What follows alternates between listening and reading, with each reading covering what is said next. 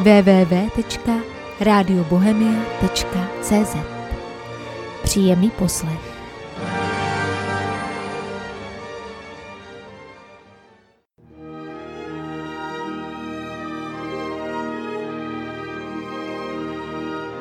Nalaďte se na dobrou vlnu s rádiem Bohemia.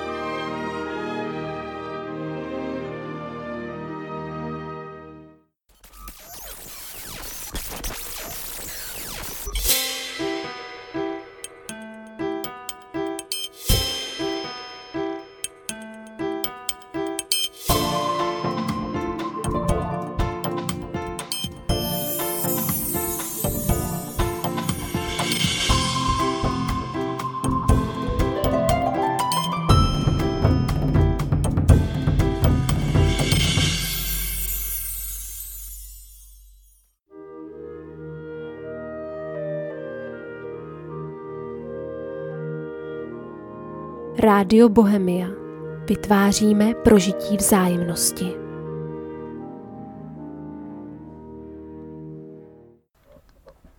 Milí posluchači, vítejte v červencovém vysílání Rádia Bohemia.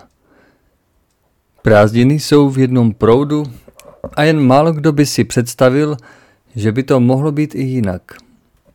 Přesto je to pouhých sto let – co dostali letní dny dnešní podobu a vlastně to není tak dávno, co nebyly žádné prázdniny.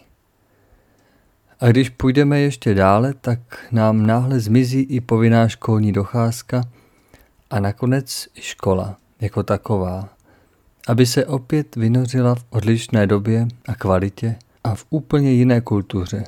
No kdo pak může tvrdit, že nás nemůže potkat něco dalšího, nějaká další proměna, pokud bude dnešní běh věcí shledán tak ducha prázdným, či ducha svazujícím. Lidé, kteří se netají svým úsilím o oživování hodnot lidství, se často vůči dnešnímu trávení prázdnin vyjadřují odmítavě. A co myslíte vy, milí posluchači? K čemu by měly sloužit letní dny prázdnin a dovolených? Jak by to mohlo být správně?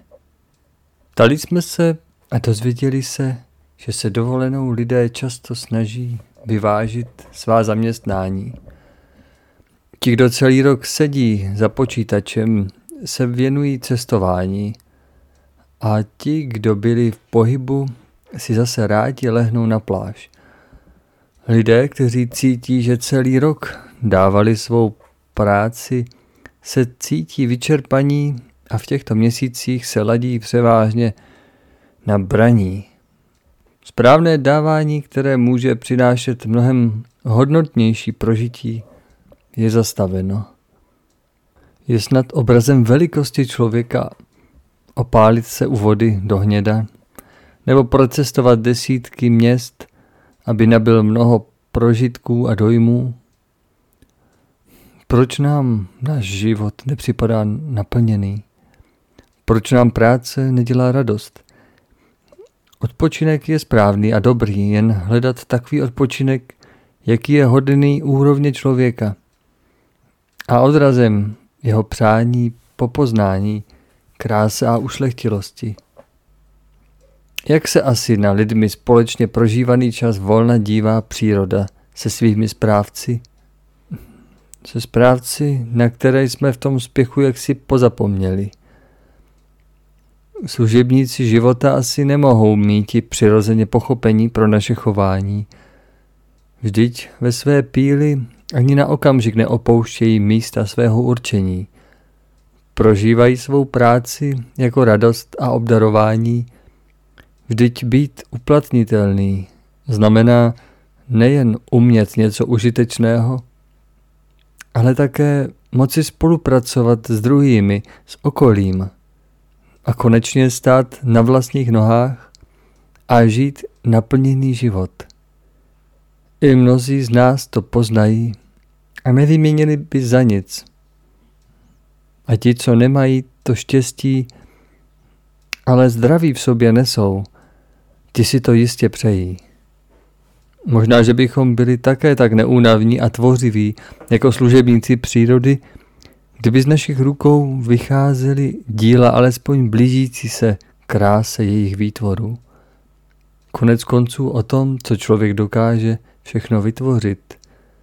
Možná něco prozradí pánové Aleš Svoboda a Vít Sirový v 22. díle pořadu Duše má neznámá, kde si mimo jiné posvítíme na to, že není bytost jako bytost a zeptáme se, jaký je rozdíl mezi bytostmi působícími v přírodním světě a výtvory lidského citového chtění. Po tomto úvodním pořadě nás čeká další pokračování čtení z odkazu léčitele a dobrodince Bedřicha Kočího z let první republiky. Autor se dnes bude zabývat svými praktickými zkušenostmi ohledně nemocí zapříčiněných drážením pohlavního pudu. Poté následují po delší době heraldické eseje a dnes to bude erb lásky, který si budeme moci prohlédnout a porovnat s našimi vnitřními hodnotami. Jak praví autor, pokud by láska byla setřena z erbovního štítu člověka, byl by z něj setřen i smysl života.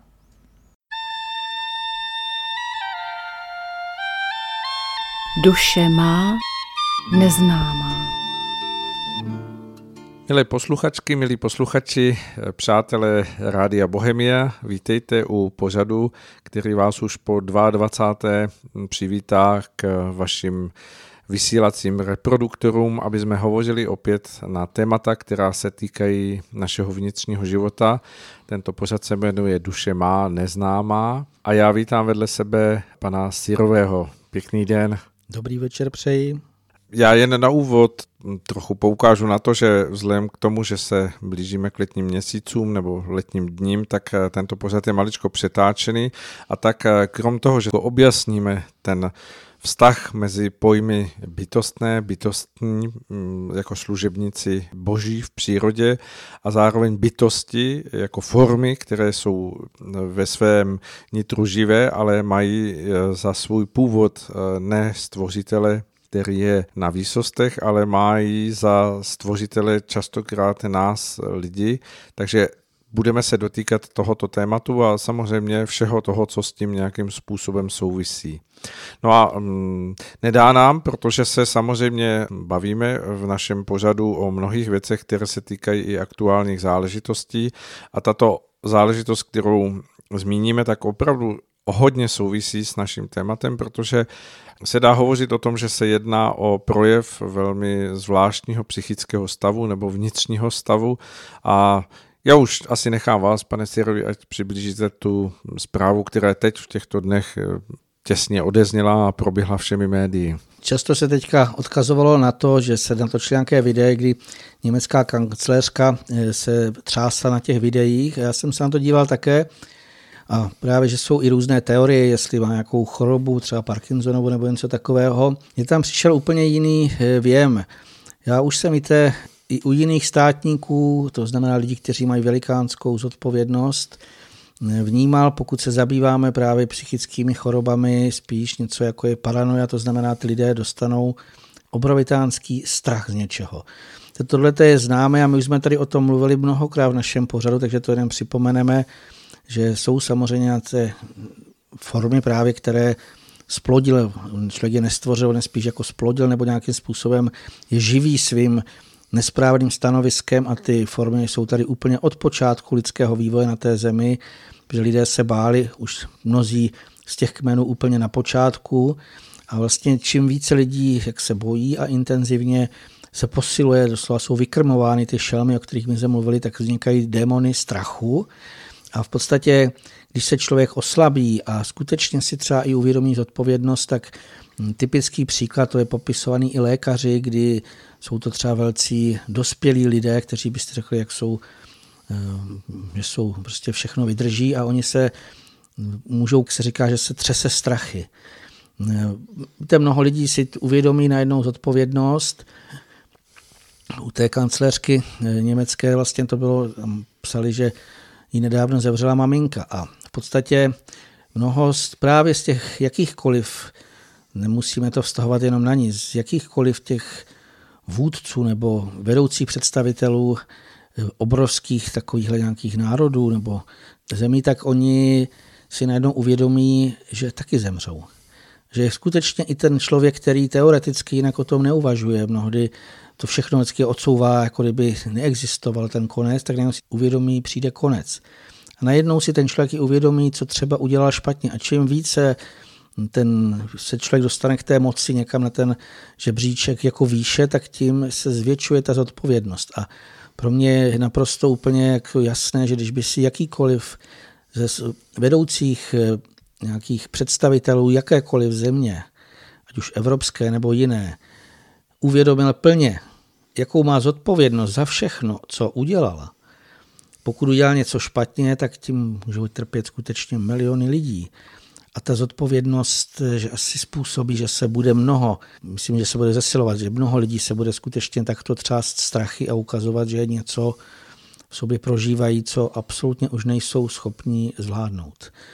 To si myslím, že ta doba přinese a v podstatě je to i důvod, proč my se tady budeme víc bavit o tom, samozřejmě nejenom o těch takových bubácích, aby to nevyznělo jako špatně, i o těch právě o té protistraně, o tom světlém, ale aby jsme prostě pochopili, že tyto formy, které jsou jednoznačně, to se dá i vědecky, energeticky vlastně prokázat, že něco tady je kolem nás, takže oni budou víc a víc působit, že i navenek se to bude najednou i v médiích objevovat, eh, že lidé, kteří teoreticky si někdo ještě třeba si myslel, jaký jsou to skvělí vůdcové nebo manažeři a tak dále, tak eh, se budou víc a víc hroutit a ty formy strachu si myslím jsou silné, to znamená, tyto formy jako kdyby budou velmi intenzivně působit. Na druhou stranu, aby jsme byli vyváženi, tak eh, a patří to do toho našeho pořadu určitě bez zesporu také, eh, mm, Víme, že když je člověk, který je nějakým způsobem ve společnosti viditelnější a mm, samozřejmě politici do toho patří, do, do této skupiny, tak eh, tito lidé, když vystoupí a jsou předmětem, já nevím, jejich eh, fotografií, jmen zmiňovány v médiích, a vlastně upínají se k ním myšlenky lidí, tak častokrát jsou k těmto lidem vysílány myšlenky jak tedy pozitivní, ale mohou být i velmi negativní. Můžou to být myšlenky nenávisti a zlosti a, a jakéhosi spílání, které je neustále v mnoha, mnoha milionových zástupech vysíláno k takovému člověku, Není v tom také to, že právě ti, takto vytvořené formy, které se obetkávají okolo toho člověka, eh, na něho neustále doráží, tak čekají, kdy v tom člověku jako by poleví jakási nějaká odolnost a ochrana a vůči němu v tu chvíli jako by mohou působit, že proniknou až do toho jeho vnitřního světa, tím pádem jako se spolu podílí i na tom, že eh, dejme tomu to jeho svědomí je ještě více nějakým způsobem atakováno tady těmito formami vysílanými od druhých lidí. Tak určitě to působí. To, co vysíláme na druhé, ať my nebo někdo jiný, tak jako kdyby že se to dá připodobnit, že když ten člověk je slabší v obraně, tak jako kdyby po něm hodil bahno v pozemském, to znamená, že ho to může zašpinit, ale teďka to nesmírně závisí na tom člověku. To, aby si někdo nemyslel právě, že jako může ho někdo tak to zničit, jenom že na něj bude říkat něco špatného. Já jsem přesvědčen, že skoro všichni, nevím, jestli už jsme o tom nemluvili tady v tomto pořadu, skoro všichni lidé, kteří něco dělají, ať už je to v tom dobrém nebo v tom horším, a v podstatě jako kdyby vystoupí z té masy těch jiných a postaví se někde viditelně, tak eh, se vůči nim se rozdělí ty řekněme, ostatní na takové dvě skupiny, jedni jako příznivci a druzí jako odpůrci. A ty odpůrci skutečně můžou mít na toho člověka poměrně dost eh, nenávistných myšlenek nebo nějakých takovýchto jaksi forem. Ale pro mě je to skutečně prvotní, jaké je nastavení toho člověka, jak teda energetické, tak vnitřní nastavení. Hmm, já tam eh, bych si vzal, že v každém případě vždycky vychází to z toho daného člověka, to znamená, kdo se konkrétně, i když může být v čele státu nebo kdekoliv jinde, tak jak on je vnitřně pevný, jak se projevuje a jaké myšlenky skutečně a jaké vnitřní cítění, jak si nastaví ten svůj, eh, můžeme to nazvat pomyslný nějaký knoflík takový toho svého prožívání. Tak mně tam přišel i obraz eh, toho, jak eh, lidé si lehkomyslně zahrávají s myšlenkami. Znamená, připustí si velmi často doslova nějakou nespokojenost, nějaký strach nebo něco takového toho negativistického. A e, tam je potřeba si uvědomit právě protože ty formy jako stále intenzivněji působí, že je to něco takového, jako když zavolá mobilem na nějaké číslo, mně přišel obraz, jako, že je to úplně jednoduché, jako představte si, že má někdo v mobilu uložené číslo do pekla a teď se rozčílí nebo začne nadávat nebo začne být takový právě ustrašený nebo jakýkoliv z těch negativistických špatných stavů, tak jako kdyby vytočil to číslo a napojuje se už na nějaké ty centrály, které k němu zpětně přivádí to, co může uškodit a v podstatě s tou svou negativním nastavením, negativistickým strachem nebo něco takového vlastně se odevírá. Tam je potřeba si ještě uvědomit konkrétně, eh, kromě těch Mluvili jsme tady, teď začneme ještě právě s těmi bytostmi, které jsou vytvořeny nebo splozeny lidmi, právě když se o tomto tématu, třeba o tom strachu. Tak eh, tam je potřeba si uvědomit, jaký, už jsme to mnohokrát říkali, ale zopakujeme si to znova, jak je v obrovské nevýhodě bojácný člověk oproti tomu odvážnému.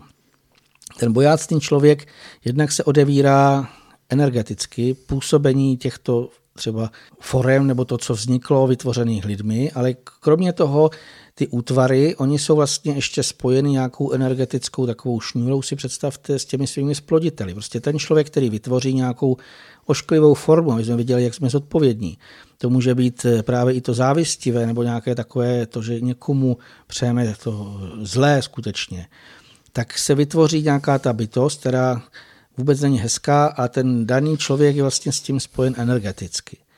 A když bychom se vrátili k těm eh, formám strachu, které jsou, takže ten člověk, který si chvilkově skutečně připustí ten strach, on se spojí nejen s tou bytostí, ale přes tu vyživovací šňůru i s celou masou všech těch bojácných lidí, kteří vyživují vlastně ty bytosti. To znamená, je to takový jeden chuchvalec, kdy proto jsou ty lidé jako už totálně pak nezvládají ani třeba své vystupování. A je jednoznačné, že prostě nás nejen politici, to už je úplně jedno, jak, kdo je na jaké pozici, to my můžeme dělat v práci kdekoliv, cokoliv. A musíme si uvědomit, že přestože na nás někdo může vysílat něco špatného, to k tomu ve většině případů nemusíme dát ani žádný podnět. Já jsem slyšel třeba i právě i od jednoho pána, který velmi jako vnímá, který se musel odstěhovat do Německa, přestože měl u nás hezký dům někde na vesnici a on říká, že u nás je nesmírně často na vesnicích, že si lidé závidí že vlastně pomlouvají někoho jenom, že třeba s nima nedělá to, co oni, nechodí s nima do hospody a že třeba eh, už jsou státy, které jsou trošičku dále a které doslova jako jim to nevadí, přestože ten člověk je cizinec, ale když se chová slušně, má hezkou zahrádku, nějakým způsobem si tam uklízí, tak jako se k němu chovají mnohem vstřícněji než u nás. To znamená, když člověk někdo bydlí, tak může počítat s tím, že se nějakému sousedu jenom z principu bude něco vysílat, ale je na nás, jestli se tomu odevřeme, nebo jestli bude mít natolik silnou tu energetickou obranu a to jinorodé. Víte, často se všude možně popisuje, ne, už jsme to tady taky říkali, vlastně jak smích, jak pomáhá, když si eh, jsem četl takovou knížku Rady zkušeného ďábla, kdy jeden z těch pokušitelů radil nějakému svému mladšímu kolegovi a teď si mu stěžoval, že je nějaká rodina, kde se pořád jenom smějí, kde jsou prostě skutečně jako napojení na světlo. A on říkal, já tam ani nemůžu vydržet v té rodině, ne, že ani nemůže jako své, že skutečně naprosto nemá žádnou šanci. A to znamená, pokud někdo dokáže eh, si udělat takovéto mikroklima v té své domácnosti, kdy ti lidé jsou v tom pozitivním, radostném, činorodém nastavení, tak eh, i když eh, by k tomu, řekněme, někdo vysílal nějaké takovéhle ošklivé ty eh, jiné útvary, tak oni by se neměli na tom člověku zachytit, naopak by měli sklouznout z toho jeho energetického obalu a v podstatě se vrátit k tomu sploditeli nebo k těm, kteří to udělají. Takže je to skutečně na nás. Nejsme tam v žádném případě nějaký, jako, že by to bylo, že jsme eh, bezbraní. Máme ty možnosti, jak se tomu ubránit, ale je třeba, víte, v tom mít i jasno, možná v tomhle oddíle bychom se měli k tomu víc, eh, už jsme si to slibovali v minulém eh, pořadu, věnovat, aby jsme pochopili, jaké je působení těchto bytostí, které skutečně nejsou dle vůle stvořitele, a jaké je působení přírodních bytostí a těch světlých pomocníků, jak je od sebe vlastně rozlišit a jak dokázat eh, i my sami na sobě, aby jsme cítili, pokud něco vnímáme, že nás doléhá, jaký druh bytostí na nás doléhá a v podstatě co z toho může i vyplynout. Když ještě zůstaneme malou chvilinku toho, co jste popisoval, tak můžeme hovořit o tom, že eh, prakticky lidé, kteří se nechají strhnout k tomu, že zaujímají nějaký postoj k někomu nebo k něčemu a aniž by měli o té věci třeba přehled, jasno, uchopeno, a vysílají v tu chvíli jako zmanipulovaní nebo nějakým způsobem vyburcovaní ty své nenávistné myšlenky, tak eh, v, té, v tom zpětném odrazu, a vy jste to zmiňoval, tak možná aniž by si to připouštěli, tak se zaplétají do těch vláken, protože ten zpětný odraz k ním eh, bez pochyby musí eh, zase zpátky se dostat do jejich blízkosti a působit na ně samotné. Je to tak, to samozřejmě už jsme tady mnohokrát zmiňovali, jak máme absolutní zodpovědnost na všechno, co myslíme, i třeba za svoje emocionální chování. Víte, já se mnohdy setkávám, že teda i někdy i u žen některých, kteří už se jako domnívají, že mají své vědění a e, že když se dostanou do nějakého emocionálního velmi, jak by už jako skutečně nepříznivého nastavení, že to jako vymlouvají, že za to oni e, nemohou. Ale samozřejmě i u mužů, i muž jako stejně tak e, se může dostat do situace, kdy bude říkat, já se rozlobím, já se rozčilím, ale to není jako, jako kdyby se chtějí alibisticky vymluvit, eh, že tam nebude zpětný účinek, ale samozřejmě je, to je naprosto jasné. Akce a reakce, to znamená to, co my vyšleme, tak eh, nějak zpětně to na nás eh, působí. Samozřejmě si tím vlastně tkáme ty vlákna, to je to, co je náš osud. To je jako kdyby koberec, který je buď krásné barvy, krásné obrazce, anebo jsou v tom nějaké takové ošklivé, nehezké formy a to je něco, co my musíme potom zpětně vždycky odčinit. To samozřejmě je známé, hm, pouze závisí vždycky na tom, jestli pochopíme, to mnohokrát eh, i v té bolesti mnozí lidé třeba, když něco se děje, tak křičí, jak se mi to mohlo stát, ale je to tím, že oni nevidí. Dokonce ani v tomto životě nedokáží přehlédnout, co udělali špatně, na to, co ještě v minulém životě. Eh, tak každý by měl skutečně velmi dobře zvažovat, eh, pokud na něco třeba i nadává, nebo se mu něco nelíbí, říká si, jak se mně to mohlo stát. Nic se k nám nemůže dostat, než to, co nějakým způsobem musíme zpětně odčinit, nebo co třeba může i sloužit k našemu vývoji, k našemu zesílení. Samozřejmě těch variant je více, ale přesto je třeba si uvědomit, že jsme zodpovědní za svoje mluvu, to, co si myslíme, to, co činíme, to je naprosto jednoznačné.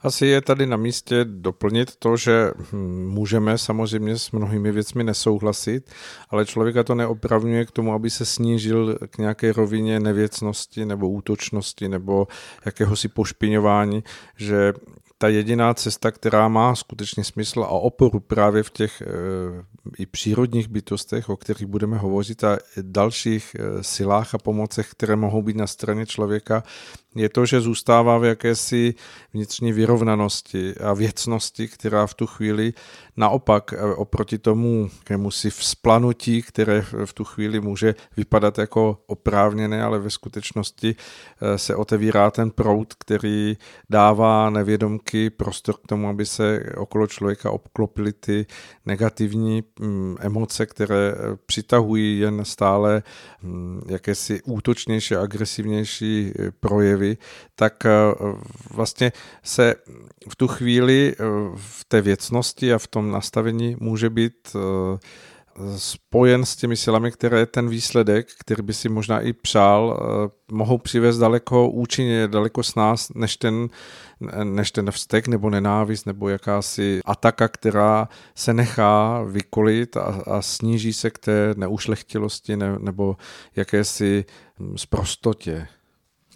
Je to tak, ale možná bychom neměli úplně, aby jsme tady nebyli jenom v tom negativistickém.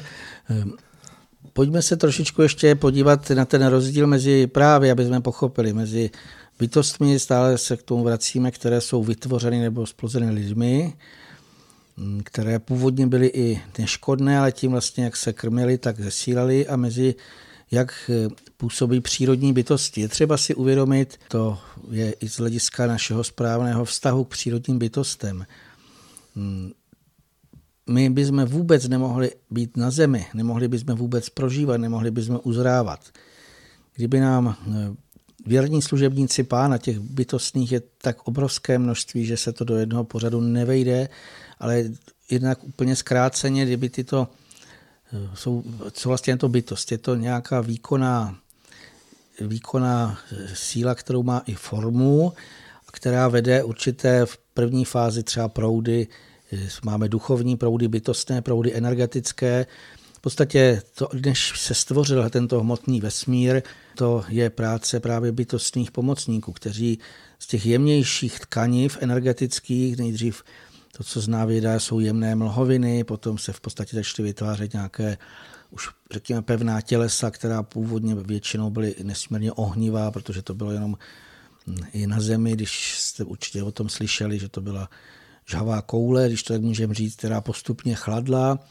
A v podstatě úplně od počátku formování toho hmotného vesmíru, to, co my třeba vidíme, ani i to, co nevidíme, to je práce bytostných. Oni jsou stavitelé, prosím vás, tohoto stvoření, této naší úrovně, kde my se vyvíjíme. Samozřejmě i těch jiných třeba světových částí, ale jednoznačně to jsou ti, kteří nám všechno tady postavili. Oni nám samozřejmě postavili potom i pozemská těla, i to je vlastně dílo bytostných, všechno to, co jíme, co pijeme, vzduch, který dýcháme, oheň, který se ohřejeme, všechno to je vlastně zase projev bytostného. U těch přírodních bytostí se to hlavně o nich nejvíce mluví a myslím, že je to i pro člověka takové nejpochopitelnější. Jsou to vlastně všechno nějaké formy, které spolu působí v přírodě, kteří, když si vezmeme od jakéhokoliv semínka, aby z toho vyrostla rostlinka nebo strom. Samo o sobě to není. Víte, mnoho, mnohým lidem to může připadat, že to je třeba nevědecké, ale víte, věda žil se míla v mnoha ohledech a je třeba si uvědomit, že naprosto všichni, všichni z nás o bytostných už slyšeli. Ať už v minulých inkarnacích, pokud připustíme, že to nejsem poprvé, tak všechny předchozí kultury východu, západu Eh, vydávali bytostné. Tam samozřejmě my si ještě můžeme k tomu vývoji lidskému říct takový ten, aby jsme pochopili vlastně, co můžeme teda vidět, nebo co můžeme vnímat a dokonce i co na nás působí. Takže v tom úplně nejranějším stádiu lidského vývoje, kdy se sem inkarnovali jaksi první eh, lidské duše a vyvíjely se ty rozličné kmeny, tak samozřejmě byly jejich i směřování bylo různé, ale hodně těch kmenů, kteří žili skutečně v těsném pořád ještě ovlivňování živly, ohrožování zvířaty vlastně bojovali, tak oni eh, v tom počátečním stádiu, nemluvím teďka o těch nejvyvinutějších, kteří už tam měli ty skutečně duchy z vyšších úrovní, ale ty běžné kmeny většinou byly natolik ovlivňováni tím svým okolím, eh, že se zostřoval ten jejich zrak hrubohmotný, že viděli třeba střední hrubohmotnost nebo jemnou hrubohmotnost. Je to ten neviditelný svět, o kterém my v našem pořadu zde mluvíme. A to je právě tato oblast, kde se nacházejí třeba konkrétně ty diamony strachu. Ty už byly, říkám, od počátku našeho vývoje. Ty, kteří se nevyvíjeli v té ušlechtilosti, v té odvaze, tak většinou se někteří jedinci báli a vlastně vytvářeli ty formy a lidé to kdysi dávno viděli. E, to vlastně byl takový ten prvotní jaksi vůbec seznámení se s tím světem neviditelným, který už jsme to mnohokrát takto jmenovali. A je třeba si uvědomit, že to samozřejmě bylo málo. Ty kmeny, které se vyvíjely správně, to už jedno si to byly indiánské kmeny, východ, západ, tak oni rozvíjeli cnosti, dobré vlastnosti. Jsou to i takové ty kultury, o kterých už se dovídáme, že už začaly vytvářet i něco krásného, něco ušlechtilejšího. Tak ty začaly výdat dobrodějné bytosti a světlé pomocníky. To je potřeba si ještě uvědomit, že ty nás doprovázely úplně od počátku naší tady té pouti tímto stvořením, aby jsme to ještě dopověděli, takže bytostní to všechno připravili. Přišel sem lidský duch, který jako host měl využívat ten nádhernou zemi, která nám skutečně byla panenská, čistá, všechno jsme tu měli. Jenom jsme se měli naučit správně používat to, co nám bytostní, už tady ten, prostě ten prostřený stůl, aby jsme si z toho brali to, co potřebujeme pro naše obživu a tak dále. A v podstatě ty Eh, národy, které se vyvíjely dále, tak eh, jednoznačně všichni bez výjimky viděli právě bytostné pomocníky. Každý z těch národů jim říkal jinak. My se v podstatě setkáváme s různými názvy, ale popisují se stejné bytosti. Nejprve viděli ty menší bytosti, protože člověk by ani nedokázal rozdělat oheň, kdyby nepřišel nějaký pomocník a neukázal mu, jak se rozdělá oheň. On by neuměl si ani nevěděl, které bylinky eh, nazbírat, jak vlastně co upravit. To všechno vlastně se dovídali od nějakých malých, nejdřív menších bytostí a tím vlastně, jak zráli eh, ty kmeny a národy, tak viděli vyšší a vyšší vlastně bytosti. A nejdále, už jsme se o tom tady zmiňovali, ale přesto to ještě jenom připomeneme, nejdále se dostalo jak římská nebo řecká římská kultura, potom germáni, keltové, ale víceméně i všechny ještě i ostatní, ty viděli velké bytostné, skutečně vůdce živlů, což jsou nádherné, už obrovité, zářivé a velmi mocné síly. Oni vlastně tehdy nazývali bohy, protože neznali nic vyššího. A to znamená, že z minulých životů všichni, všichni se museli setkat už s pojmem bytostný. Nebo no, ani se to nemusí nazývat bytostný, každý má, už jsem říkal, proto ten svůj název, ale teď my to v tomto pořadu tak to nazýváme. Z hlediska tohoto života naprosto každý, každý člověk se setkal s bytostmi. Teď kdo neposlouchal pohádky nebo báje? Všichni znají vodníka, rusalku, skřídky, víly, elfy. To, ty původní moudré pohádky velmi krásně popisovaly jak vlastně působí bytosti přírody, ale že jsou i teda i jiné bytosti, to se rozlišovalo. Já bych tady možná zmínil nádherné pohádky od paní Míly Myslíkové, možná ji znáte z různých filmů. Tak ta napsala nádherné pohádky a tam právě vždycky vidíte tu spolupráci lidí s bytostními. Víte, není to tak dlouho, to je skutečně nějakých 100 let, možná dozadu, kdy bylo velmi mnoho lidí, kteří ještě vnímali ty bytosti. Mlinář se velmi často chodil radit s vodníkem. To je nějaká bytost, která je na břehu vodních toků, on je velmi blízko i té zemi, to znamená, eh, pro lidi je viditelný.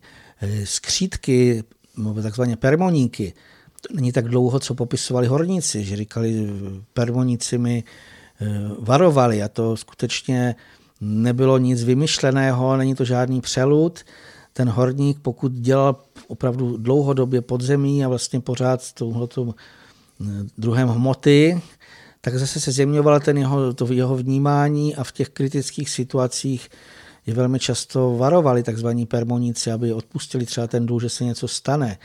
Námořníci na moři zase znali mořské pany, oni tomu říkali, což je zase další druh bytostí.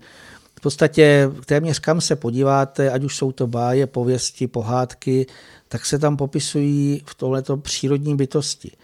Čím jsou ty pohádky prostě nás modernější a obzvlášť nějaké filmy, tak žel se to tak zmátlo, že naprosto už lidé přestali rozlišovat, kde je přírodní bytost, kde jsou třeba to, co se nazývá čerti. To si ještě k tomu můžeme vrátit, ale je třeba skutečně naprosto jasně rozlišit co je to přírodní bytost a jak působí přírodní bytost. Už tady bylo řečeno, že byli stvořitelem, jsou vlastně, to jsou jeho věrní služebníci. Oni vždy působí ve vůli stvořitele. To znamená, pokud někde v nějakých pohádkách je přírodní bytost eh, spodobněná ve smyslu nějakého zlého skřeta, který škodí lidem a který bojuje mezi sebou, je to nesmysl. Stejně tak ani elfové bylo mnoho filmů, na kteří se asi mnozí i třeba někde zahlédli, že elfové bojují. Je to nesmysl, prosím vás. Elfové nejsou žádní vojáci, elfové jsou to bytostní, kteří se starají o květiny, o stromy. Jsou to nesmírně jemné bytůstky, jako je moc hezké, že jsou už i různé knížky, když většinou jsou to nějaké jemné ženy, které vydávali tyto bytůstky a dokázali je i namalovat. Myslím, že už se s tím i mnozí setkali, takže eh, já bych potřeba vždycky podle toho druhu působení rozlišit, jestli jde o tu přírodní bytost, nebo jestli jde skutečně o nějaký jiný útvar. Eh, v tom našem pořadu jsme často mluvili o myšlenkových formách, to znamená nějaké fantastické vymyšlené věci. Tohle je velikánská oblast, která žil zamořuje jak to jemnohmotné okolí, tak zamořuje nesmírně mnoho filmů. Víte, i v pohádkách, které jsou jinak velmi hezké, tak mě tam velmi jaksi i přijde, že je nevýchovné a hlavně nebezpečné pro děti, když se eh, je to o čertech. Samozřejmě každý zná čerty. A teďka nevidí vlastně lidé, kam, to, kam takovéto bytosti zařadit. A byla i velmi hezká pohádka, kde, eh, myslím, že to byla snad princezna Zemlina, jestli si dobře vzpomínám, kde byl jakýsi údajně čertík, který byl eh, podle mě ohnivý bytostný. Lidé v podstatě jako kdyby přisuzují těm bytostným nějaké takové vlastnosti, které vůbec oni nemají. Ale jsou to ty naše představy a ty nesprávné nějaké fantastické formy myšlenkové, které my na ně nějakým způsobem nabalujeme. Druhá věc je, že přestože eh, vlastně na i když někdo vnímá tyto bytosti, a není to tak dlouho, prosím vás, co, jak jsem říkal, lidé viděli nejen bytostné pomocníky, ale viděli i něco, co mohli nazývat, že to je vlastně čert. Už jsme se tady o tom zmiňovali, že indiáni brali čert rovná se černá duše. Znamená, to je duch pozemského, nebo duše pozemského člověka, která odejde na onen svět, odnese si mnoho nečistot, zlé chtění a vlastně ty, ty jeho obaly jsou zatemněné velmi a pokud je vnímá někdo z pozemských lidí, tak bude to hodně temný, eh, hodně temná ta duše, anebo až jako doslova to vypadá jako černé, to je viditelné dokonce i na pozemských lidech někdy v tom vyzařování, tyto temné odstíny. A v podstatě jsou to vždycky ti, kteří chtějí škodit, nikdy nechtějí nikomu pomáhat. Eh, lidé si to víceméně milně spojí s nějakými pohádkovými bytostmi, které jsou legrační, které ty děti jako kdyby mají je to někdy i kolem Mikuláše, že vlastně, když se to dítě bojí toho čerta, tak říkají, pojď, pohled si ho tady po ocásku, nebo ho podrobají tady mezi růžkama, je to takové stvořeníčko, takové rostomilé, chlupaté, podívej se. V podstatě mísí se dohromady pojmy to světlé a temné a naprosto se smísily přírodní bytosti, s lidmi vytvářenými formami, ať už teda z hlediska emocí, to znamená demonické formy, nebo myšlenkových forem, což můžeme nazvat jako fantomy, přeludy, to, co vlastně se lidé vymýšlí. A ten svět vlastně je tím, bych řekl, zamořený těmito představami nesprávnými. Dá se říct, že přestože eh, zmiňujete tady ty dávné příběhy, báje, eh, pohádky a mohlo by to vytvářet dojem jakési naivnosti nebo něčeho, co by si lidé s tím spojovali, tak je tady na místě připomenout to, že právě tyto bytosti působí ve všech fyzikálních zákonech, že to byly oni, které právě, jak jste zmiňoval, člověka přivedli k poznání, jaký účinek a jakou sílu má v sobě oheň, co všechno umožňuje člověku, aby, když s ním spolupracuje, dokázal.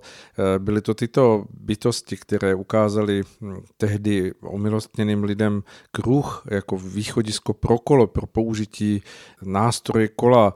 Jsou to ty samé bytosti, které stojí za tím poznáním těch dnešních eh, vědeckých poznatků o atomech, o molekulách, o genofondech, byli to přesně tito bytostní, kteří dali vytvořit tomu, eh, co objevil potom Mendeljev a sestavil to do své eh, chemické tabulky prvků. Eh, není to nic jiného než to, že všechny síly, které poznáváme okolo sebe, ať je to statický náboj jako výchozí základ elektřiny, to, co, co všechno můžeme nacházet v tom fyzikálním projevu, kde přestává být jakási pohádka, ale nastupuje i dnešní jako vědecké poznání, tak zatím vším stojí tyto bytosti a oni vytvořili ten základ s tím, že s jejich lehkostí a s jejich hm, geniálností, kterou dokázali vložit do toho eh, svého úkolu nachystání této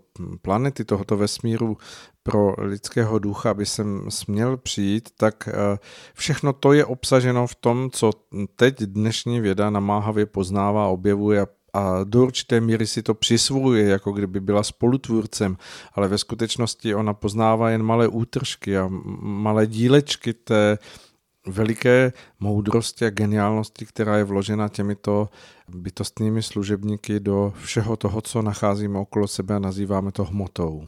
Když tam ještě jenom vrátil k tomu pojmu vlastně pohádka, víte, někdo si myslí, že to je takové, že je to vymyšlené pro děti, aby usnuli večer, ale když jsem viděl takové velmi zajímavé pojednání právě o bytostných a bylo tam v tom zdůrazněno, že kdysi dávno vůbec to nebyly pohádky, kdysi dávno všechny národy schodně, to je na různých kontinentech, to znamená, oni se nemohli domluvit. Američtí indiáni, já nevím, v Africe, v Ázii, víceméně to jsou země, Dokonce jsem slyšel takové přirovnání, že přestože náš moderní svět se velmi ostře staví proti nějakým jakýmkoliv neviditelným formám proti bytostným, takže stále ještě většina lidstva i této naší doby v něco takového věří. A v podstatě, když porovnávali ty popisy, co měli jak od těch malých bytostí až po ty velké bytosti na všech kontinentech, to je jedno, jestli je to na sever, na jih, na východ, na západ, tak najednou zjistili, že oni to popisovali skoro všichni podobně. Že jsou to vlastně to, co oni výdali od prapočátku vývoje a jednoznačně jsou to vlastně vždy pomocné síly. A to je vlastně ten náš největší, jak bych řekl, kámen úrazu této civilizace, protože my jsme jako kdyby je odšoupli právě do těch vymyšlených pohádek a přesto my bez nich nemůžeme ani vteřinu existovat. Naše tělo, kdyby ho opustili bytostné, udělá to, že tady v tu chvilku lehneme a jsme mrtví. Je to tak. No, nebude to, nebudeme ležít. Kdyby opustili tuto zemi, ani chvilku už to dál nemůže fungovat. Kdyby opustili naše pole, přestože jim neustále stěžujeme ten život různými postřiky a tak dále. Když by nebyl bytostný někde poblíž, pokud chcete škrtnout eh, sirkou, sirka vám nechytne. Oheň vám nechytne. To znamená, to je to, co kdysi dávno lidé nechápali, protože pro ně byli bytostní věrní pomocníci, které oni výdali. Jako si můžete popovídat se svým kolegou kdekoliv na pracovišti, se známým, s přáteli, vidíte je, podáte jim ruku, něco si mezi sebou vyměníte, tak byla doba, kdy lidé skutečně takto se viděli s bytostními a mohli s nimi vědomě spolupracovat. To znamená, ty dřívější doby by vůbec nepochopili, že my jsme jako moderní civilizace šoupli do pohádek a řekli, že neexistují. Dobře, eh, pojďme si pustit krátkou písničku a pokud chcete využít ten čas, vykoukněte z okna nebo se projděte po zahrádce třeba některou z těch bytostných, o kterých jsme tady hovořili, eh, zahlednete a až se vrátíte zpátky k našemu vysílání po písničce, tak už s námi budete souhlasit. Skřítkové tesaři, vylezte z mechu. Tesaři, vylezte z mechu. Chopte se náčiní, postavte střechu. Chopte se náčiní, postavte střechu. Skřítkové ze skal a skřítkové z lesa. Skřítkové ze skal a skřítkové z lesa. Pila, ať pracuje sekera tesa. Pila,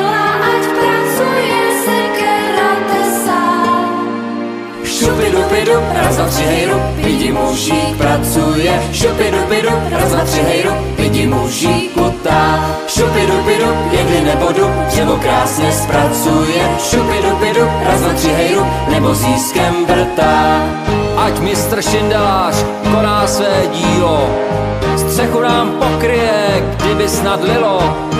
Držte si klobouky, nasaďte helmy, mistr to provede střelným. Šupidupidu, raz, dva, tři, hejru, vidí mužík pracuje. Šupidupidu, raz, dva, tři, hejru, vidí mužík kutá. Šupidupidu, jedli nebo du, dřevo krásně zpracuje. Šupidupidu, raz, dva, tři, hejru, nebo získem vrtá. Skřítkové zedníci, zanechte spánku. Skřítkové Vezměte kladívko, lžíci a fanku. Vezměte kladívko, říci a fanku. Písek se červená, vápno se bělá. Písek se červená, vápno Brána je zřícená, ať stojí celá. Brána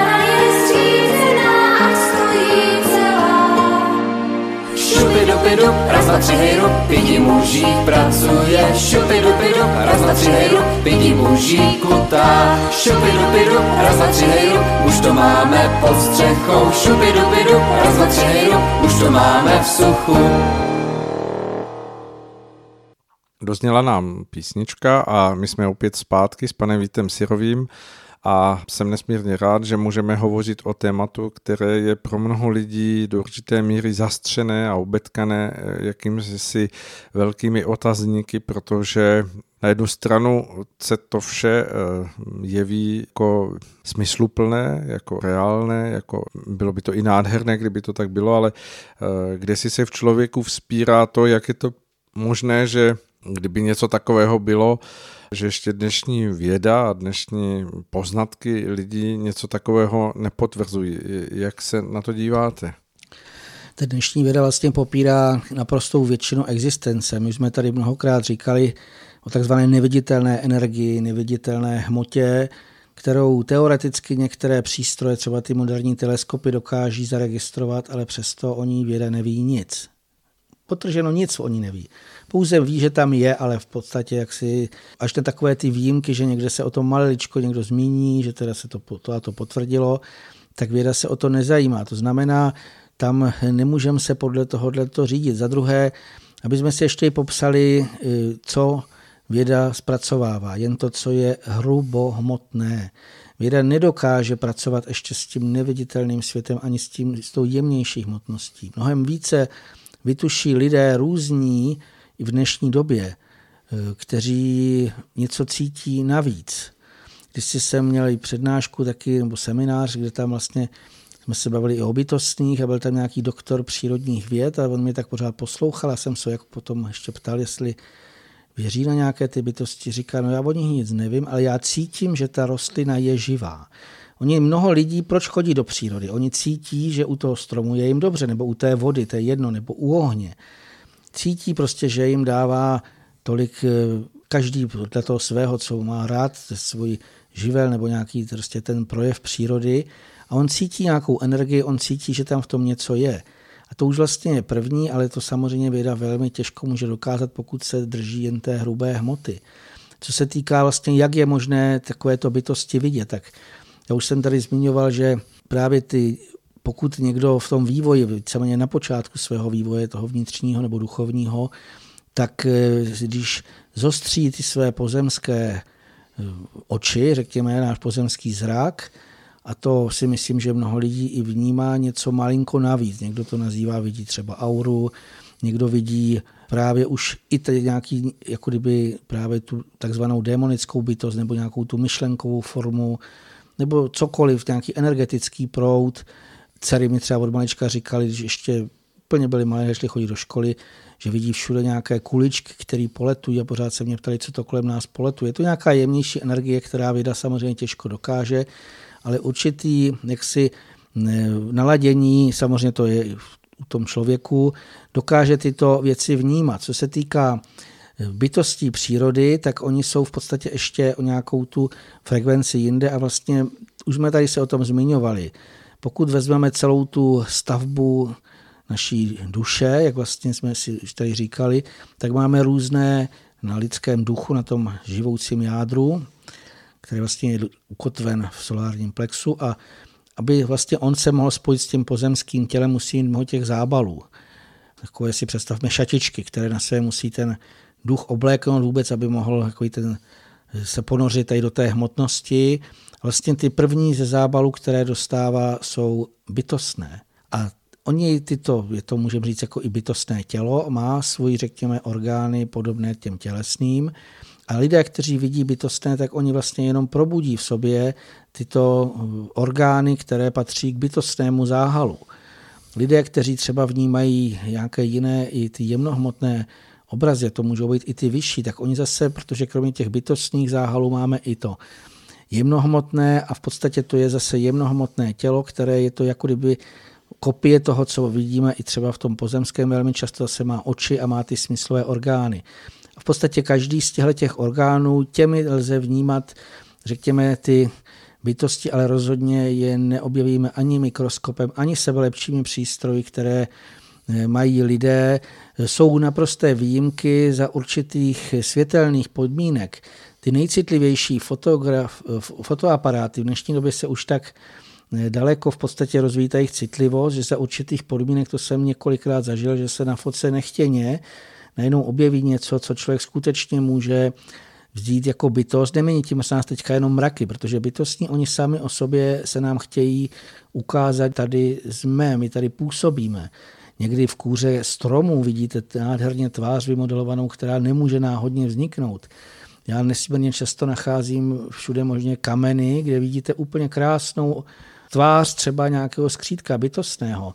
To jsou všechno dary bytostní, kdy oni jako kdyby do té hmoty dokáží i eh, tu svoji podobu nějakým způsobem zformovat, aby vůbec si lidé všimli, aby věděli, že tady jsme, tak to je jediná výjimka. Ale jinak bytostného v té formě eh, toho bytostného těla nemůže žádný přístroj odhalit. A věda bez přístrojů je úplně doslova bez, můžeme říci, jak bez rukou. Hmm. To je jako když byste chtěl na nějakém na řidiči, který umí akorát řídit auto, nedáte mu auto a teď mu řekněte děť. No tak on si může sednout někde dělat tu, tu, tu, ale neodjede. To znamená, vědci potřebují mít eh, ty hmotné podklady a bytostné eh, už je jiná vibrace, která se nedá hmotným okem ani žádným hmotným přístrojem spatřit.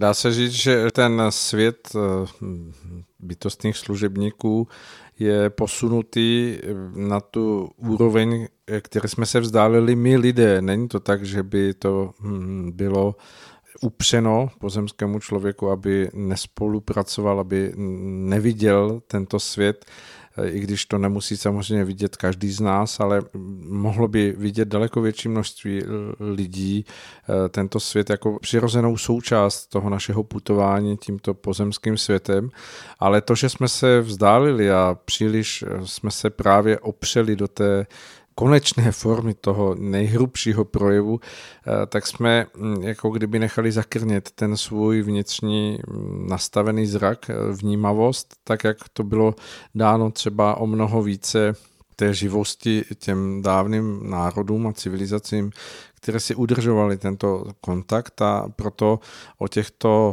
spolutvorech a spolupomocnicích kteří působí v přírodě nebo ve všech možných fyzikálních jevech, Eh, věděli a, a uctívali je, byli schopni eh, s nimi spolu prožívat to, že mm, to jsou eh, vlastně tvořitelé sil, na které člověk ve svých schopnostech i s tou nejlepší technikou nikdy nedosáhne. To ono by bylo mnohem víc lidí, kteří by to vnímali bytostné a viděli, kdyby se jinak vychovávali děti. Je nesmírně mnoho malých dětí, kteří vidí bytostné. Já bych řekl, že je dokonce převaha aspoň těch úplně maličkých, to je to, když vidíte, že to dítě sedí a ono se usmívá a teďka něco upřeně pozoruje, jako když to skáče a vy nic nevidíte.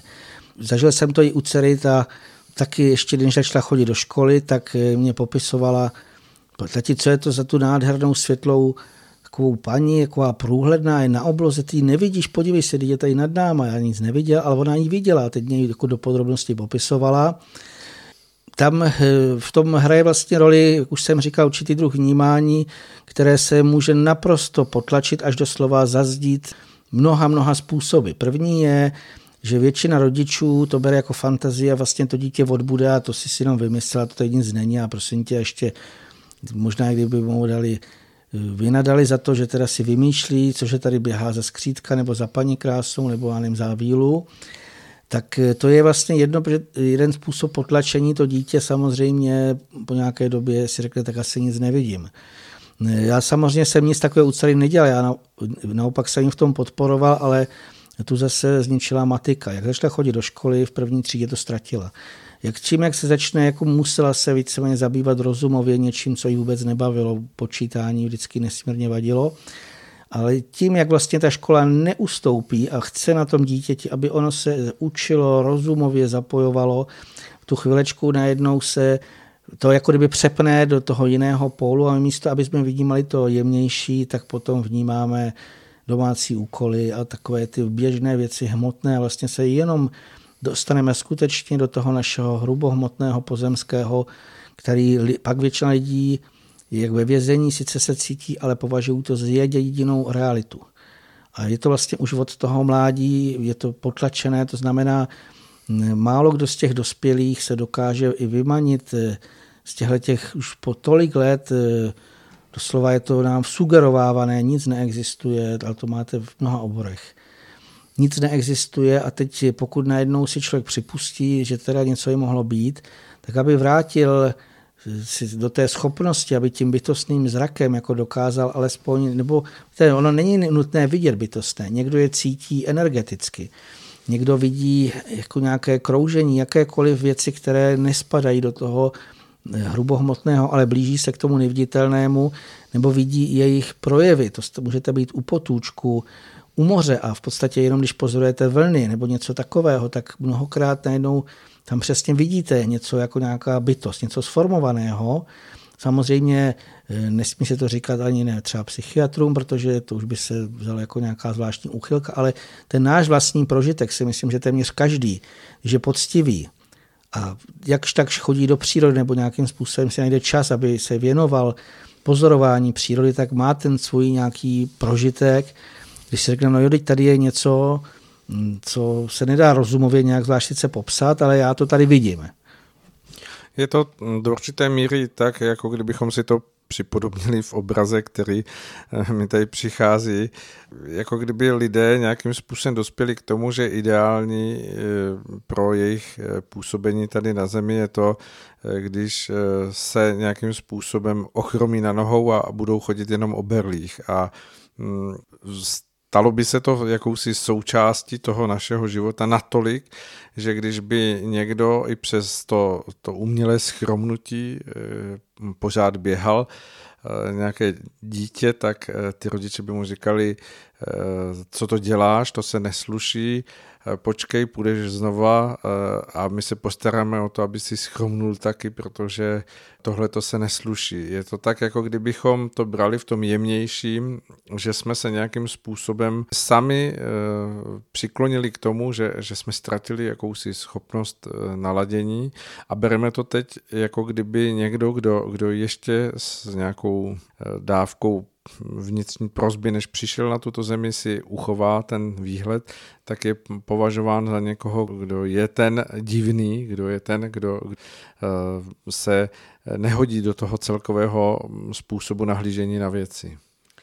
Ono této společnosti a tomuto systému se vůbec nehodí nic, jim se nehodí ani stvořitel, protože vemte si, jaký je to, najednou by to byla změna, když by člověk uznal, ano, jedna námi stvořitel, kterému jsem naprosto zodpovědný za všechno, co mi dál a jsou kolem nás nějaké bytosti, neustále my nikdy nejsme sami, které v podstatě nám připravují to, co my potřebujeme, s kterými máme spolupracovat, tak najednou už v nás taková ta pícha lidská, která tuto společnost, tuto civilizaci doslova jako eh, charakterizuje, musí splasknout, protože když si řeknu, no, teď já v podstatě bez nich bych tady nemohl vůbec existovat, tak tu chvilečku se musí všechno změnit. Muselo by se změnit, prosím vás, naprosto zemědělství, péče v podstatě o zvířata, průmysl, o přírodu, všechno. průmysl, všechno by se muselo změnit. Najednou já řeknu, no teď já tady nejsem ten určující. Tedy by to bylo v tom správném, jak jsem říkal na počátku, tak bytostní tomu člověku vždycky poradili všechno. I jak se třeba tká tkanina, aby se mohly udělat obleky. Na cokoliv si vzpomenete, příprava jídla, jak se peče chleba, to všechno bylo vlastně od bytostných a oni člověku dali vždycky to nejlepší, oni mají to je úžasné, totiž vždycky ta nejpřirozenější metoda je jednoduchá.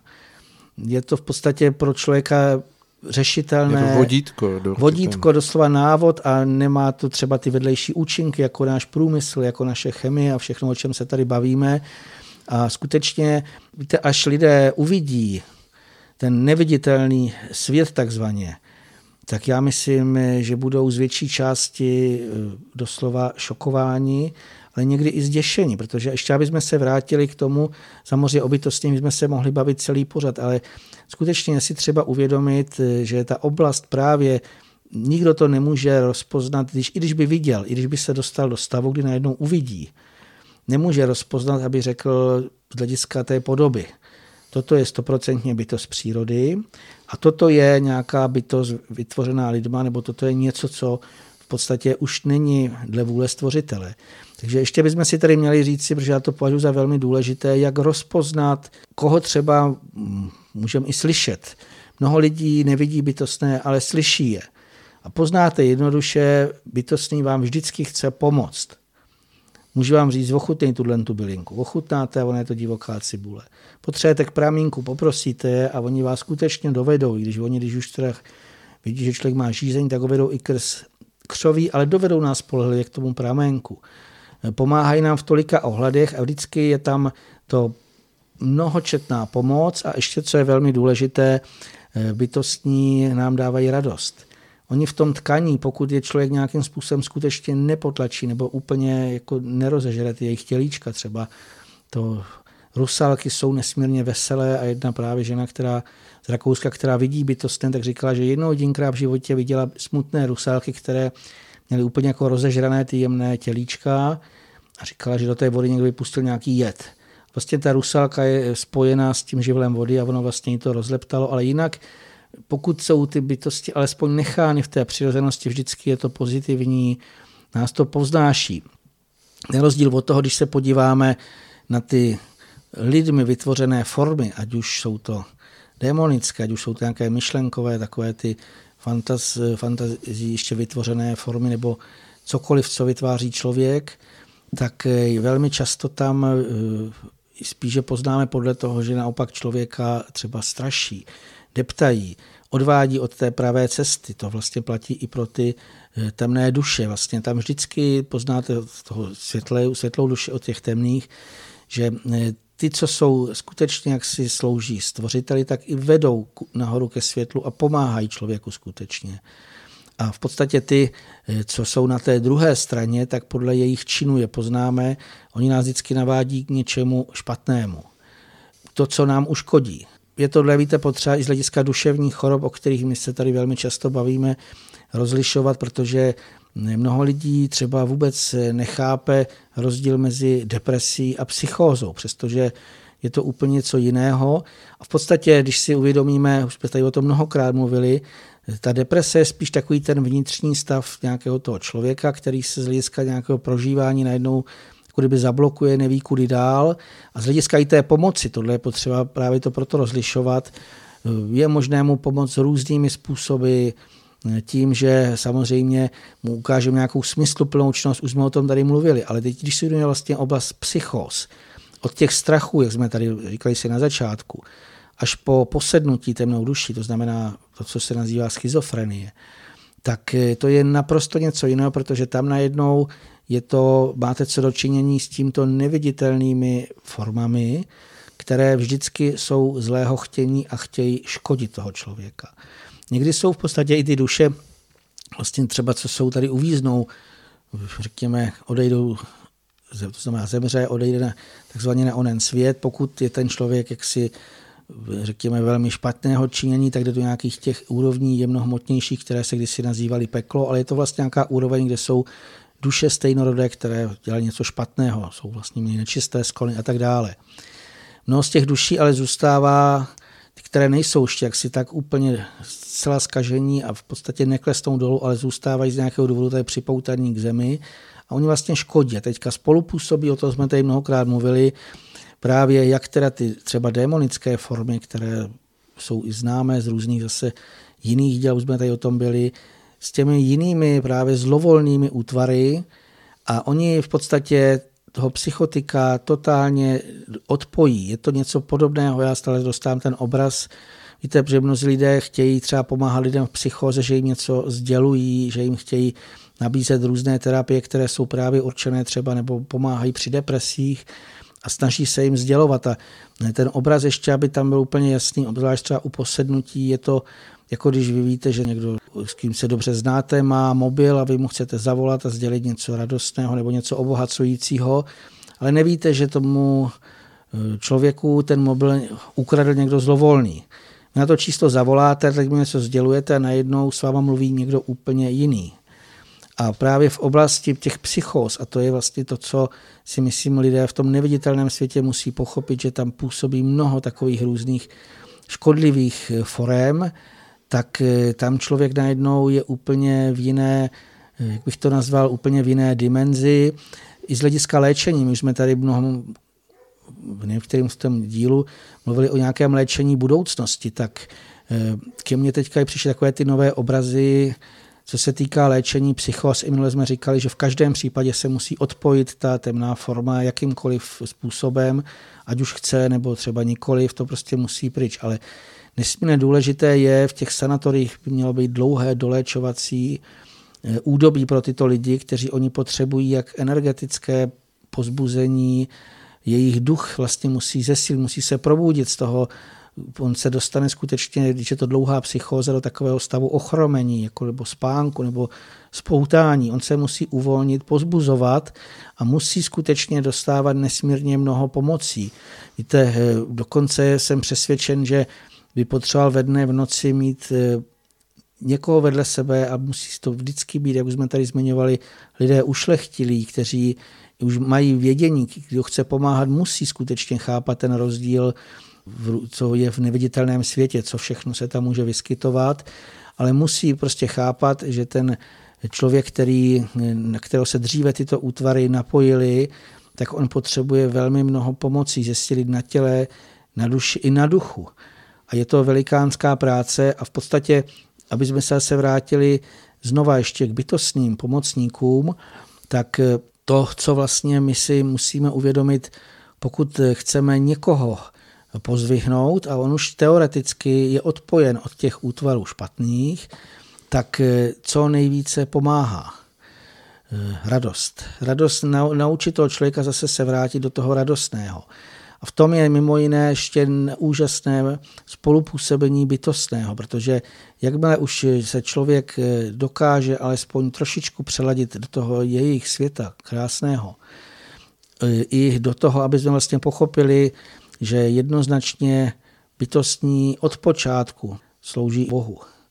A vlastně i lidé musí pochopit, že my tu máme být služebníky, ne těmi pány.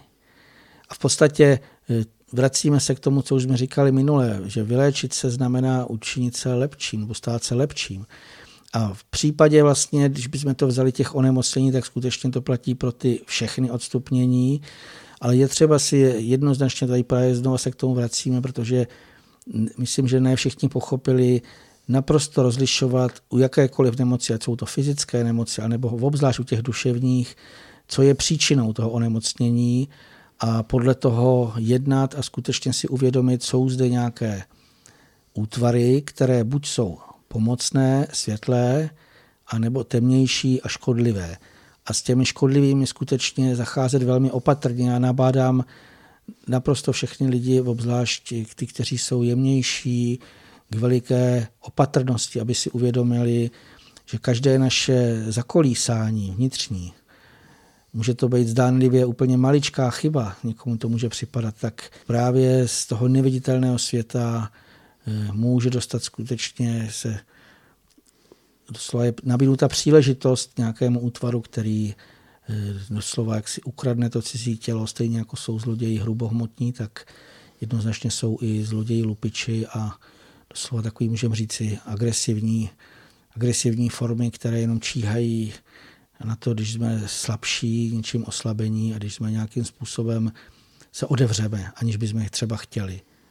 Je to tak, že hm, svým způsobem opět, když se vrátíme k těm pohádkám, tak mi přichází pohádka o Smolíčkovi Pacholíčkovi, kdy hm, možná jsme to už zmiňovali v některém z našich dílů dříve, ale opravdu tento obraz eh, velmi odpovídá té skutečnosti, že ty útvary, o kterých eh, hovoří pan Sirový, eh, které eh, mají svůj původ v té zdeformované původní neutrální síle, která je nějakým způsobem odkloněna od té čisté formy hm, k tomu negativnímu, k tomu, co naopak člověka může obtěžovat, zatěžovat, tak ve chvíli, kdy hm, člověk ve své nebdělosti, eh, podobně jako ten smolíček, se nechá zlákat k nějaké věci nebo k nějakému kroku, eh, který eh, možná na počátku sám vnímá, že by ve své zdrženlivosti něco takového nedělal nebo určité opatrnosti,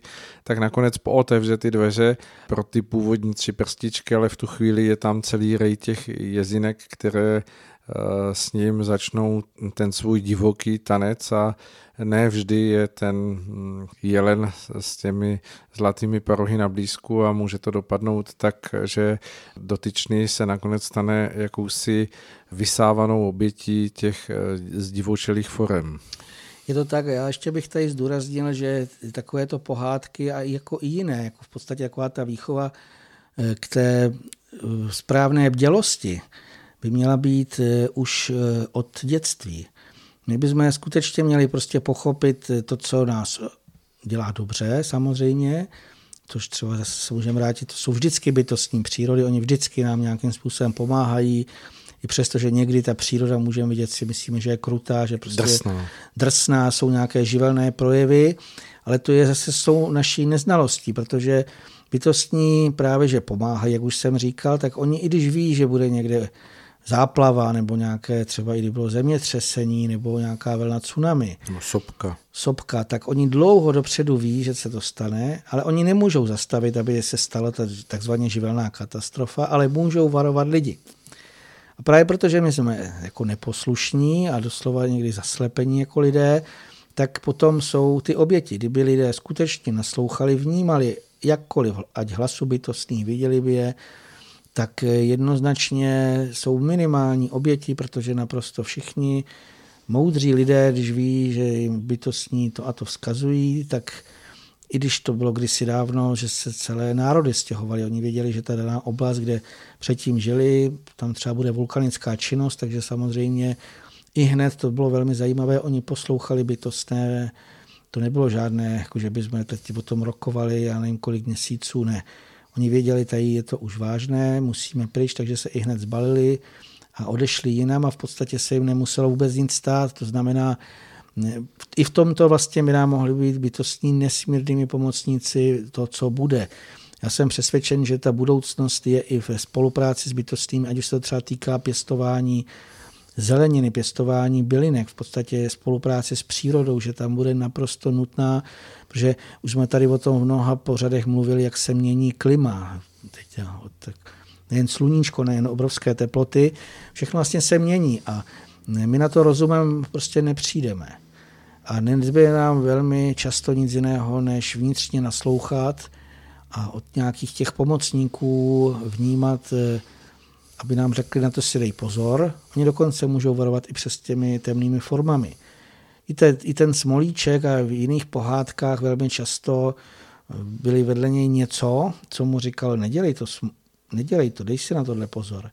Tak eh, oni nás jednak můžou varovat, protože samozřejmě oni vidí ty temné formy, říct, dej pozor na toto, ale samozřejmě i dejte pozor třeba jakýkoliv eh, ten živelný úkaz, který my můžeme potom třeba zpětně ho pozorujeme teď se neustále se počítají škody kolik je mrtvých, ale vůbec nemuseli ty mrtví být. To znamená vnímat bytostné, já jsem přesvědčen, a spolupracovat s nimi a naprosto je odlišovat nebo dokázat rozpoznat, co už nepatří do toho světa bytostných, přírodních bytostí, ale co vlastně k tomu člověkem jako ještě dovytvořeného, takové to umělé zlepšování, jako ve všem, tak to bude velmi důležité v tom našem dalším vývoji. Já jsem přesvědčen jak z hlediska duševního zdraví, tak doslova i z hlediska našeho přežití. Tak eh, uteklo to, milí posluchači, jako voda. Opět jsme eh, na samém závěru našeho dnešního vysílání. A tak eh, nezbývá, než asi všem popřát, abychom se netřásli strachy, abychom všemu čelili s dostatečnou odvahou, jistotou a vnitřním přesvědčením, že naše čistota a zdrženlivost jsou stále naším vlastnictvím a že se jimi řídíme. Pojďme se rozloučit. Ještě jenom krátce, pokud nevidíte ani neslyšíte bytostné, ale chcete je vnímat, tak když se jdete vykoupat někdy teďka v létě, nebo pohladíte strom, nebo si popovídáte s bylinkou, tak eh, ta voda je poslední tělo eh, vodních bytostí. Vy vlastně vnímáte skutečně jejich nějakou i podstatu té vody. Stejně tak, eh, když člověk si povídá s bylinkou, sám třeba doma, která mu roste, v podstatě si povídá s bytostí té bylinky, nepovídá si s tou hrubou hmotou. Takže berte to, že to, co vlastně děláte velmi často přirozeně, aniž byste nad tím přemýšleli ve vztahu k přírodě, tak je to cesta vpřed a já všem přeji, aby právě v tom létě, kdy jsou dovolené prázdniny a má většina lidí alespoň nějakou tu možnost se dostat víc do přírody, tak aby si prožili toto s tím vědomím, že eh, jsou tam malí pomocníci nebo i větší pomocníci, kteří slova nám můžou v tolika, v tolika oblastech i poradit a ukázat nám, jak vlastně se má sloužit věrně nejvyššímu. Tak, to už bylo úplně všechno a Loučíme se s vámi eh, za hosta nebo nedílnou součást našeho pořadu eh, pan Cirový. Slyšenou. A od mikrofonu jako moderátor a průvodce pořadem Duše má neznámá se s vámi loučí Ali Svoboda. Pěkný poslech dalších pořadů a těším se s vámi zase na příští vysílání našeho dílu, který už bude 23. Naslyšenou.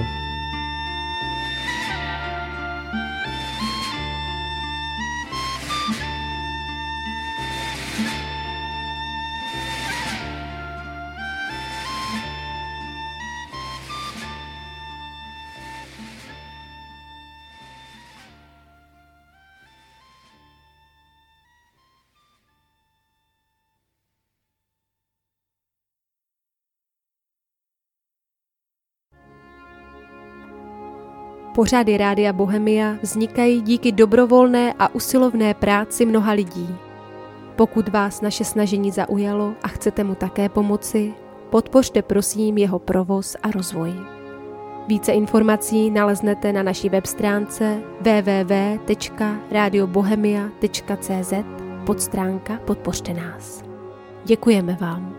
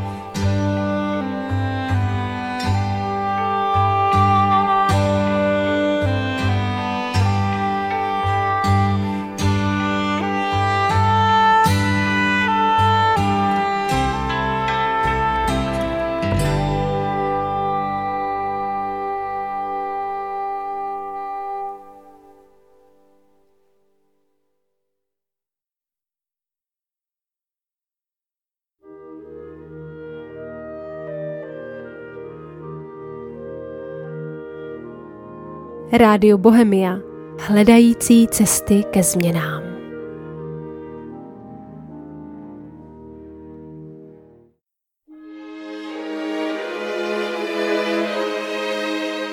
Bedřích Kočí Duchovní léčba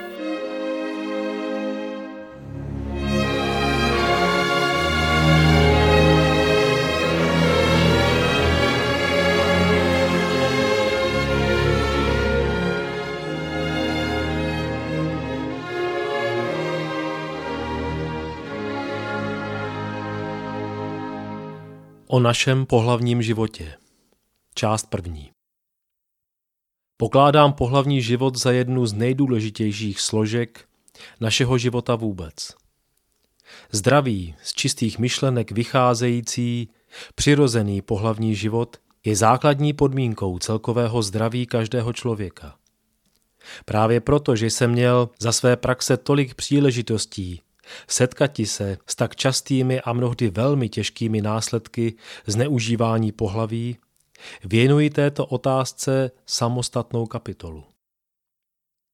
Pohlavní put, jakožto neoddělitelná, důležitá součást lidského života, vyžaduje v dnešní znemravněné době mnohdy těžkých, úporných bojů a velkého přemáhání, aby se udržel v přirozených, jemu určených mezích. Jen silou vůle, především však vnitřní čistotou a pocitem studu podaří se usměrnit jej tak, aby jej nebylo zneužíváno. Případně, aby se jim člověk nedal strhnout k úplným zvrácenostem. Není to však vždy pouze nedostatek vůle a nadvláda rozumu, který svede člověka k nesprávnému životu pohlavnímu. Mnohdy je to pouhá nevědomost, nedostatek poučení o tom, jak těžce hřeší člověk na svém zdraví, zneužívá svého pohlaví. Je bezesporu, že se této předůležité otázce věnuje stále jen nedostatečná pozornost a péče. V rodinách stydívá se o těchto věcech mluviti s dětmi i otec i matka, a to, co po této stránce poví dětem škola, jsou jen poznatky kusé, neúplné, které nepodávají jasného vysvětlení, takže více matou, než poučují. Zpravidla pozbuzují ještě fantazii mládeže, která pak pracuje dále bez úzdy. Nedostane-li se jí včasného upozornění na hrozné následky, které mívá zneužívání pohlaví. Zpravidla pozbuzují ještě fantazii mládeže, která pak pracuje dále bez úzdy, matou než poučují. Nedostane-li se jí včasného upozornění na hrozné následky, které mívá zneužívání pohlaví. Dětem je třeba nejen vysvětlit jim jasně posvátný úkol pohlavních orgánů, nýbrž současně také hned varovat je před zneužívání jich. Jsem přesvědčen, že kdyby se tak skutečně dělo, s otevřeností a upřímností, dalo by se tím předejít mnoha těžkým poruchám zdraví, zejména u mladých lidí, kteří se z pouhé nevědomosti odávají zhoubné neřesti onanie. Mnohdy, a bývá to vinou rodičů samých, nastává u dětí předčasný vývin pohlavního pudu – takže některé děti již v útlém věku propadají onanii, která pak ničí celý jejich organismus. Velmi těžce projevuje se nedostatek poučení u mládeže, hlavně v době puberty, kdy hlásí se u ní poprvé pohlavní put. V té době mládež, poučovaná pouze důvěrnými kamarády a kamarádkami, propadá nejčastěji této neřesti a to zcela bez své vlastní viny. Možno říci, že jsou to jen opravdu vzácné výjimky. Zůstane-li mezi nimi někdo ušetřen tohoto zla. Z vlastní zkušeností, které jsem za svého duchovního léčení nazbíral, mohu žel konstatovati, že z nemocných, kteří se u mne o léčení přihlásili, bylo dobrých 60% těch, u níž příčina různých chorob spočívala právě v nesprávném životě pohlavním. Kdyby si těchto případů všimla statistika a zjistila si přesně pravý původ různých nemocí, jsem přesvědčen, že by procento mnou odhadované ještě zvýšila. Zdálo se téměř neuvěřitelným, že by onanii mohlo propadnout ti již malé děcko v útlém věku. A přece jsem měl případ, kdy bylo ke mně přineseno dvouleté děvčátko, následkem onanie téměř zblblé. Zjišťoval jsem příčinu stavu onoho děvčátka a tu po rozmluvě s jeho matkou zjistil jsem, že zavinila to ona sama svým perverzním pohlavním životem, kterému se odávala i v době těhotenství.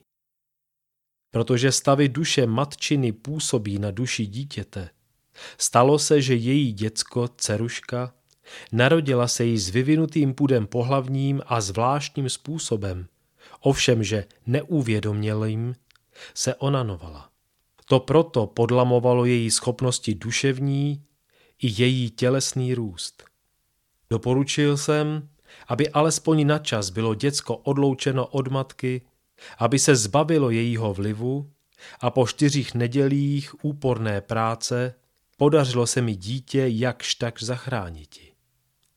Není pochyby o tom, že nešťastná matka přinesla si již z předcházejícího života sklony k nesprávnému pohlavnímu životu a to odnášelo nejen její dítě, nýbrž i její okolí ostatní, na které neblaze působilo vyzařování jejího fluida, naplněného smyslnými vášněmi. O tom přesvědčila mne chůva, která ke mně nosila nemocné děcko k léčení. Když přišla ke mně po třetí, zjistil jsem podle stavu jejich očí, že i ona se onanuje. Zeptal jsem se jí přímo, proč to vlastně dělá. A tu ona přiznala hned, že skutečně i ona této neřesti propadla. Ujišťovala mne, že dříve než do této rodiny se dostala, než přišla do styku s nynější svou paní, byla úplně čistá a nikdy ji ani nenapadlo, aby se sama pohlavně ukájela. Zde však v tomto místě, jako když ji to posedne, a nemůže se tomu ubrániti.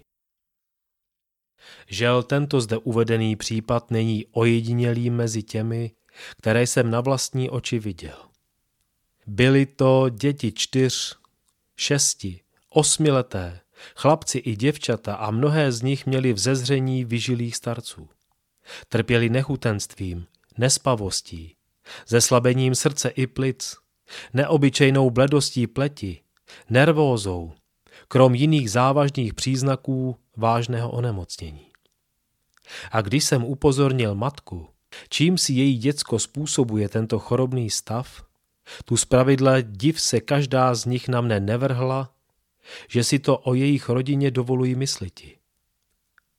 Mnohé z nich byly i docela hrubé na mne za to, že jsem jim pověděl upřímně, v čem spočívá pravá příčina všeho a upozornil je na neřest, které jejich děti propadly.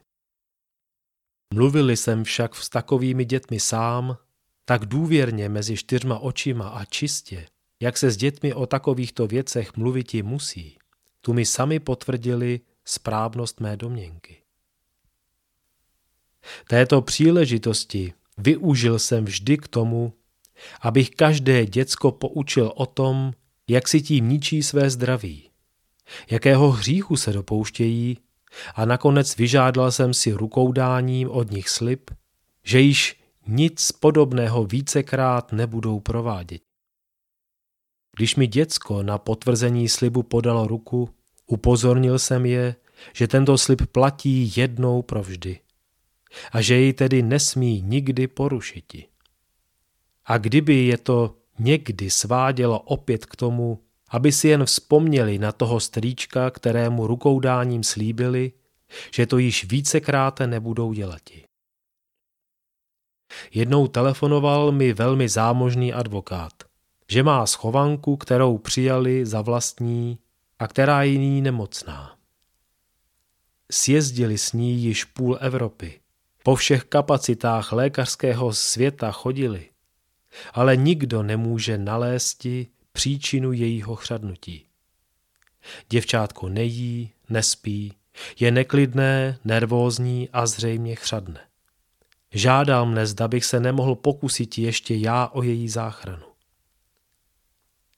Toto děvčátko přišlo ke mně se svojí vychovatelkou. Hned v prvém okamžiku, jak jsem se mu podíval do očí, poznal jsem okamžitě, že to děvčátko propadlo onanii. Třeba, že bylo teprve šestileté. Zeptal jsem se, zda si někdy dole prstíčkem nehraje. A ona docela čistě, nevinně jako andělíček přiznala, že ano. Že prý to tam svědívá a proto, že se namáhá tomuto svědění zabrániti. Pověděl jsem jí totéž, co zpravidla v takových případech dětem povídám. Vyložil jsem jí, že v tom leží pravá příčina, proč nespí, proč jí nechutná jíst, proč je stále tak unavená a že to již dále nesmí dělati, chceli se opravdu uzdraviti. Odpověděla mi velmi rostomile, že jí ještě nikdy nikdo neřekl, že jí to škodí a teď, když to ode mne slyšela, že to již nebude dělat a bude hodná. I ona slíbila mi rukoudáním, že se slibu svému nikdy nespronevěří. A pak teprve začal jsem s léčením. Prozářil jsem ji duchovní silou a posílenou poslal domů. Byl to malý zázrak, který se s tímto dítětem stal. Dříve, při svém nechutenství muselo být přímo nuceno, aby alespoň něco málo snědlo. A nyní mělo takový hlad, že snědlo hned tři krajíce chleba s máslem, v noci klidně spalo, takže bylo jako znovu zrozené. Netrvalo dlouho a z růžovělé tvářičky děvčátka prozrazovali dokonalý návrat zdraví, o něm se v dětské nevědomosti samo připravovalo. Chápu, že rodiče, kteří ani netuší, ba naopak pokládají za naprosto nemožné, že by děcko již v útlém věku mohlo propadnout onanii, nemluví s ním o zhoubných účincích této neřesti. Co však naprosto nechápu, je fakt, že o těchto velmi důležitých věcech nepromluví ani matky se svými dospívajícími dcerami, u níž prvně se objevivší perioda, hlásící jejich pohlavní vyspělost, přímo žádá o to, aby byly řádně poučeny. V této chvíli je nejvýš nutno, aby dívce byla zdůrazněna nutnost zachovávání si vnitřní čistoty. Čistoty pohlavního života a chránění si panenství jako nejposvátnějšího stavu dívčích let. Stejně nutné a nezbytné je spoučiti po této stránce i dospívající hochy, neboť u nich pohlavní vyspívání přímo svádí konany. Nejsou-li řádně poučeni, škodí těžce svému zdraví a to právě v době, kdy ke svému vývoji potřebují nejvíce sil fyzických i duševních. Z mnoha případů, které jsem po této stránce poznal, uvedu alespoň tento. Přišla ke mně kandidátka německého učitelského stavu, která náhle uprostřed studií nemohla dále. Stala se silně nervózní, v pravé tváři objevilo se zvláštní, velmi nepříjemné cukání a k tomu celková ochablost fyzická znemožňovala jí další studium. Hned v prvém okamžiku, jak ke mně vstoupila, poznal jsem na jejich očích, že celá její nervová i fyzická indispozice má svůj původ v onanii. Řekl jsem jí přímo, vy se dráždíte, abyste sama ukájela svůj pohlavní put. Ano, řekla mi docela klidně a čistě. Ale já nevěděla, že mě to tak škodí. Nikdy mne ani nenapadlo, že by moje onemocnění mohlo být s tím v nějaké souvislosti. Vyložil jsem jí, jak ohromně se mílí. Jak nesprávně pohlíží sama na své tělo, které má být opravdovým chrámem božím. Proto je naší první povinností tento chrám boží udržovati v naprosté čistotě. Žena je pak tolika násobným chrámem božím, kolik duší Bůh jí svěří jako matce, aby je ve svých dětech přivedla na svět. Právě pohlavní orgány jsou nejposvátnějšími orgány, které Bůh nám svěřil, neboť v nich tvoří se nový život, který dává čekajícím duším příležitost vtěliti se k novému životu, aby se mohli na tomto světě zdokonaliti. Tak stává se žena vlastně spolutvůrcem na vývoji stvoření. A proto každé zneužití pohlavního orgánu je těžkým hříchem proti zákonu božímu a podle toho se také trestá. Tato mladá dívka s duší naprosto čistou přijala mé výklady s radostí a vděčně děkovala mi za to, že jsem jí to pověděl. Ještě nikdy neslyšela prý tak krásně a čistě hovořiti o pohlavním životě. A litovala, že s ní o těchto věcech nepromluvila její maminka. Kdyby jí byla řádně poučila, zejména ve chvíli, kdy se s ní loučila a posílala ji do Prahy na studia, byla by jí tím jistě uchránila od tohoto utrpení, které si přivodila jen svou nevědomostí.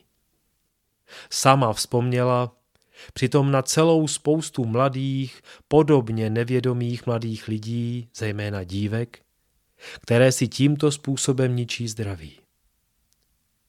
Měl jsem sám radost z toho, jak se mi podařilo přesvědčit ji o nesprávném způsobu jejího života, proto jsem v tom spatřoval zároveň záruku, že se tato dívka k dřívější své neřesti již nevrátí.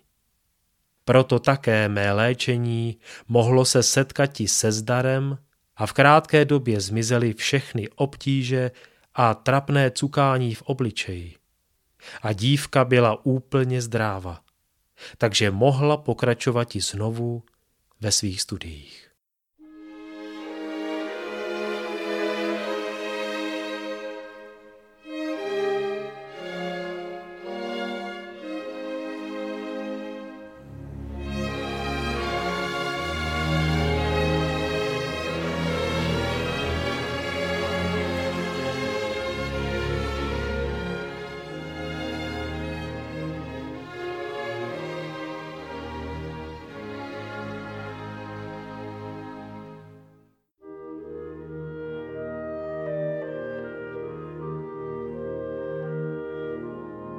Rádio Bohemia. Vysíláme na vlnách harmonie.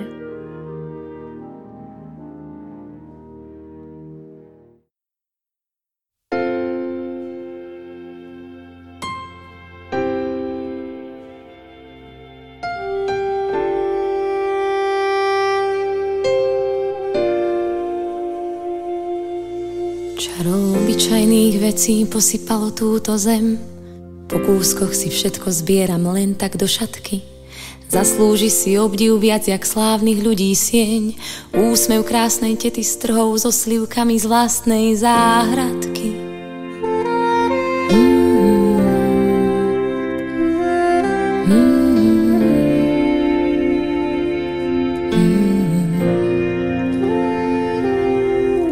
Smelý výstup strmou skalou a odhodlaný krok – je pohárom vody smedným ústam podaný. Čerstvý vzduch je balzam našich tiel a myšlienok. Nič na tomto svete nevie tomu zabrániť. To tie majestátne hory a tie vrchy neoblomné zanechali stopy vo mne. Pre lúčne kvety s pivonkami koncert začína keď ich dievča od radosti vie vo veniec. Boh nám stvoril lúky, aby vôňu dali nám, daroval nám život, aby spoznali sme, čo je ľúbenie.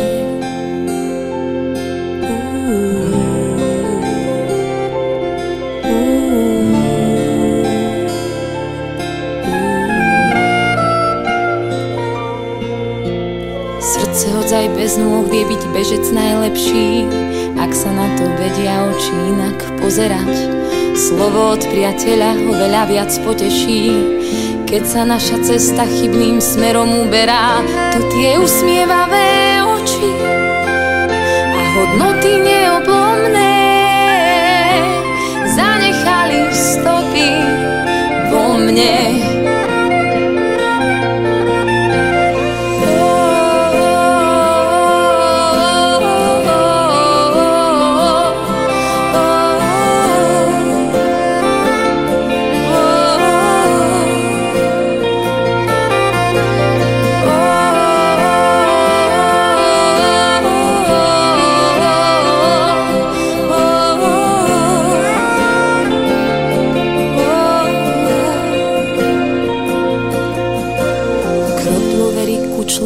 Stíši všetok hluk. Ustane aj búrka, ak je vždy na blízku brat. Teplý august v strapcoch hrozna je dar do ľudských rúk, ktoré z lásky k druhým polievali vinohrad. To tie starostlivé ruky a to srdce neoblomné zanechali stopy vo mne. To tie starostlivé srdce neoblomné Zanechali stopy, zanechali stopy, zanechali vo mne.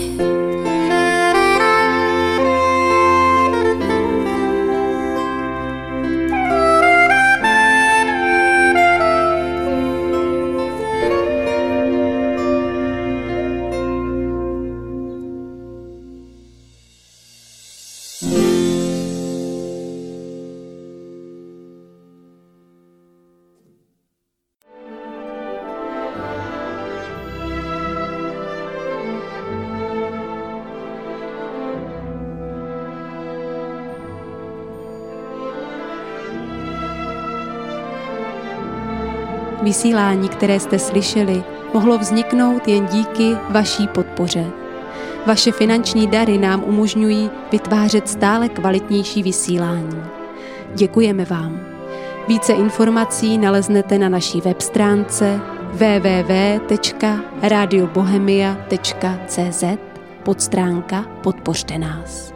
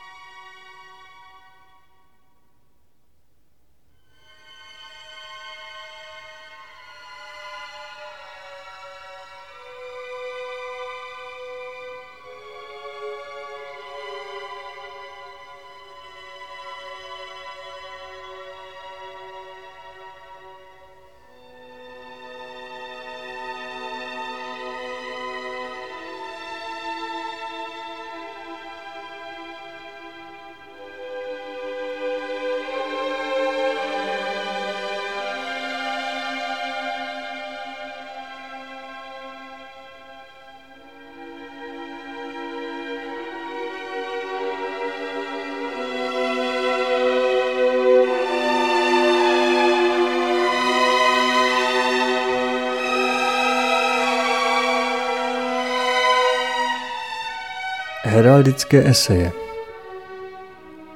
Esej třetí. Erb lásky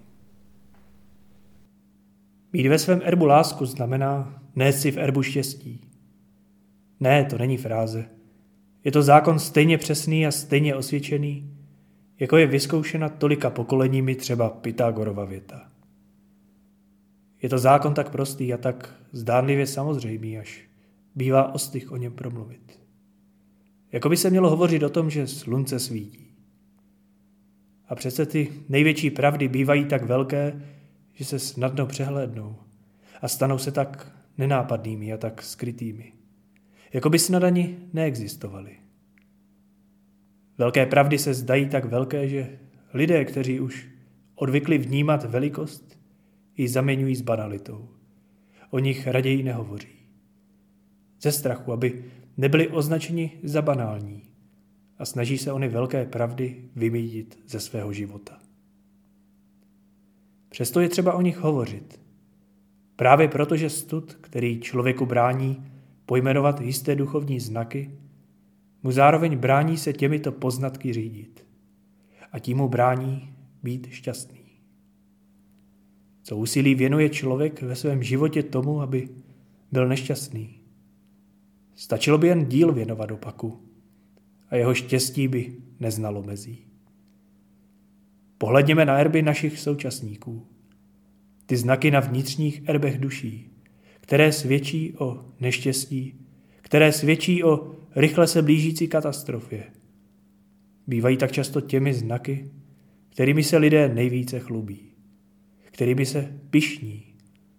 Tyto zlovisné znaky bývají těmi, které malují na své erby nejkřiklavějšími a nesbytelnými barvami. Na kolika duchovních erbech našich současníků rozeznáváme nenávist. Vyzývavou, okázalou nenávist. Jakoby duše, která onu nenávist do svého erbu vnesla, nevěděla o ničem větším. O ničem vznešenějším, co na svůj erb zachytit. Co v něm vyvýšit, než toto. Jakoby nenávist přestala být pro toho, kdo ji má na svém erbu hambou. Jakoby se stávala známkou jeho prozíravosti a emancipovanosti, jeho duchovní svobody. Znaky hamby. Dávné znaky hamby se skví na duchovních erbech našich současníků. Chlubné znaky, popírající a nahrazující dávné znaky cti. Ti, kdo si umistují do svých moderních duchovních erbů své znaky, jako by se už ani neohlíželi na to, co je hamba a co je čest. Jako by hleděli jenom na to, co je a co není moderní. Je láska moderní? Kolik je těch, kdo si její znaky ještě dnes malují na svůj erb?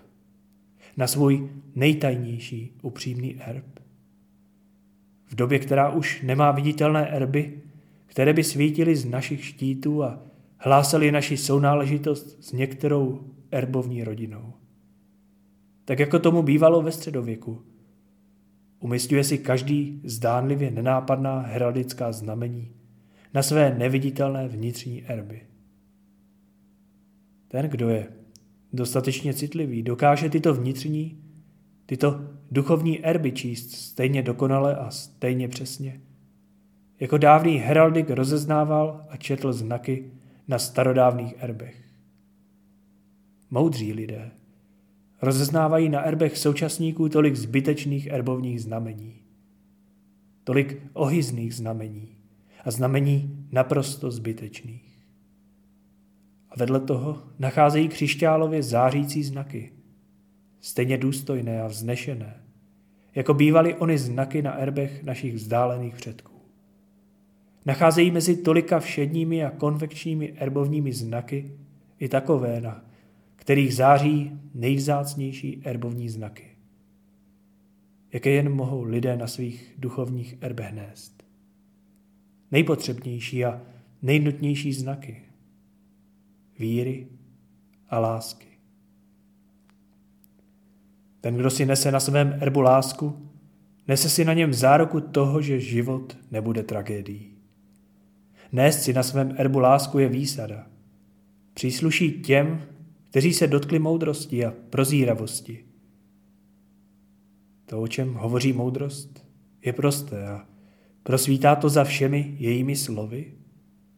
Je to výzva k hledání a nacházení lásky. K tomu, abychom ji nikdy nenechali setřít ze svého duchovního štítu, pokud by z něj byla setřena, byl by z něj setřen i smysl života. Kdo si dal do svého duchovního erbu lásku, vložil si do něj domov. Domov pro sebe pro své blízké. Domov, který jej nezradí, pokud jej nezradí on. Naše erbovní znaky nás nikdy nezradí, pokud je nezradíme my. Znamení lásky v erbu je svědectvím o přítomnosti jiného velkého znamení znamení soucitu, znamení milosrdenství, Tato doba odkládá soucit do starožitnictví slov. Stejně jako do něj odkládá milosrdenství. A neuvědomuje si, jak jsou tato slova živá. Jak nikdy nepřestala být moderní. Jak si nesou svoji modernost napříč tisíciletími. Stejně jako jí nese láska. Neuvědomuje si, jak tato dvě slova jsou měřítky toho, zda je ještě člověk člověkem a nakolik jim přestal nebo nepřestal být. Podle toho, kolik je v nás lásky, víry, kolik je v nás soucitu, podle toho jsme nebo nejsme lidé.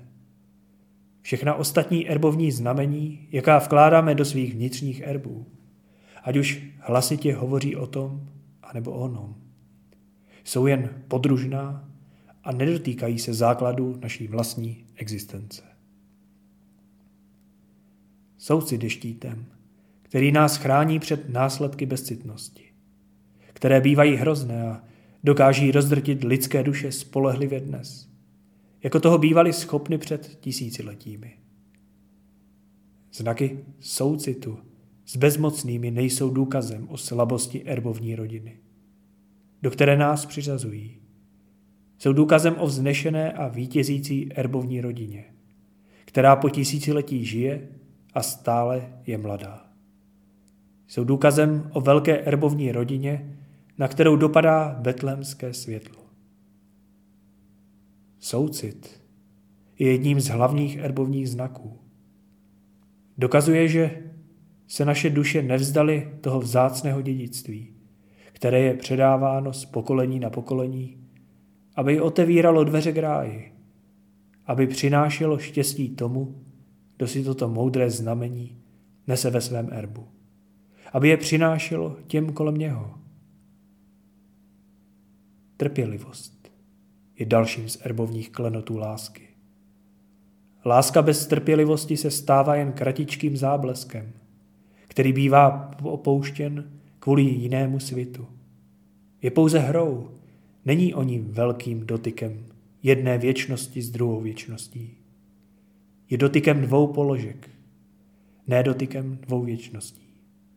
A právě jen z takovéhoto dotyku, kdy jedna věčnost křísne o druhou, právě jenom z tohoto závratného dotyku vzniká jiskra. Vylétá jiskra. Nesmrtelná jiskra. Nepohasínající jiskra. Kterou je pravá láska, ta, která nekončí, jako končí tolik bludičkovitých svitů. Trpělivost okřidluje lásku, aby byla schopna přeletět propasti, lsti, nástrahy. Trpělivost okřidluje erby, aby se mohli povznést nad malichernosti a marnosti. Aby dokázali pozorovat svět a ostatní erby z moudré výšky, která přináší poznání. Trpělivost okřidluje duše, dává jim sílu aby se mohli vznést i tam, kde ostatní duše klopítají a padají. Dává jim z jejich výše nahlédnout za obzor a spatřit i v té nejskřemelenější tmě úzký proužek vycházejícího slunce. Trpělivost je hradbou, jakou si duše staví kolem lásky, kolem toho nejcennějšího a nejkřehčího, co má. Ten, kdo nepřišel o lásku, nepřišel o nic. Trpělivost je ze základních předpokladů každého skutečného vítězství. Eduard Martin, pokračování příště.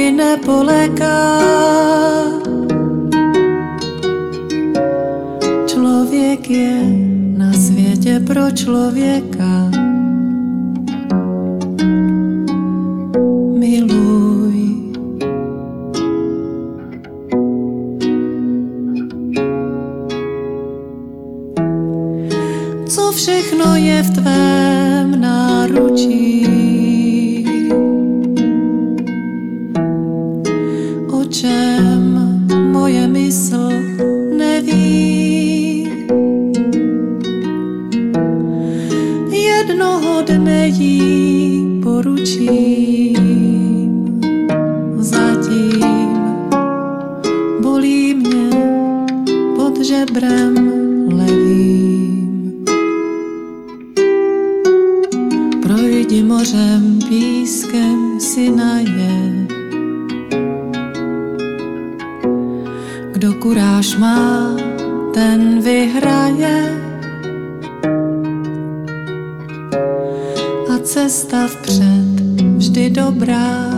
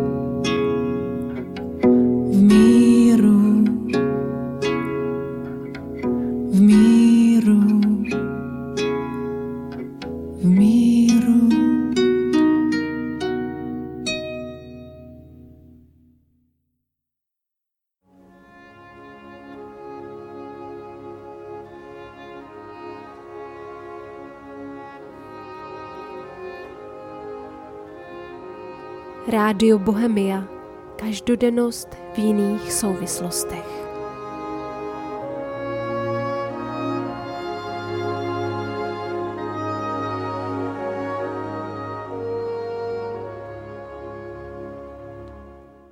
Vážení posluchači, vítejte zpátky ve studiu Rádia Bohemia.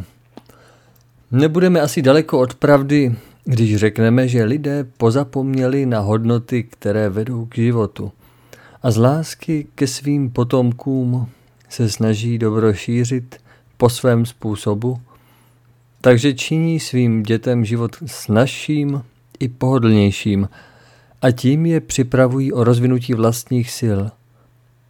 Některé ženy v tom dosáhly jisté virtuozity. Narážíme tu na porušování zákona, vetkaného do celého dění přírodního i duchovního, na porušení zákona pohybu. Dnešní studánka pro ženskou duši bude zrcadlit úskalí pojmu manželství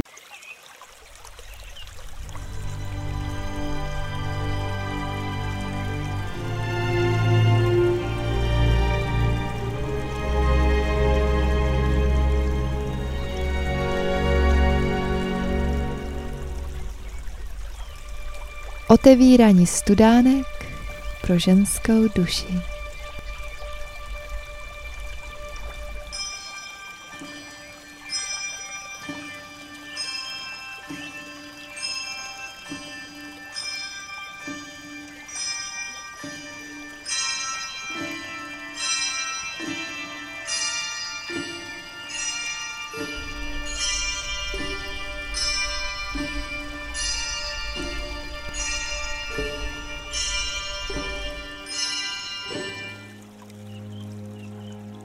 Doktorka Věra Bezděková, cyklus sedmi přednášek pro ženy.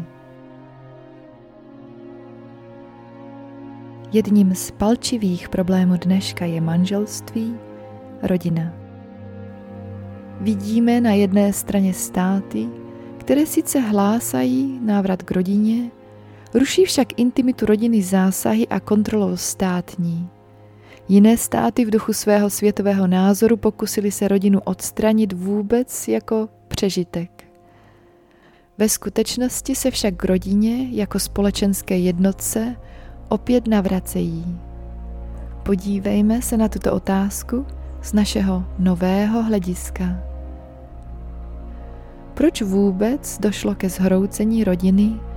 Proč tento útvar vyžaduje obnovy a nápravy?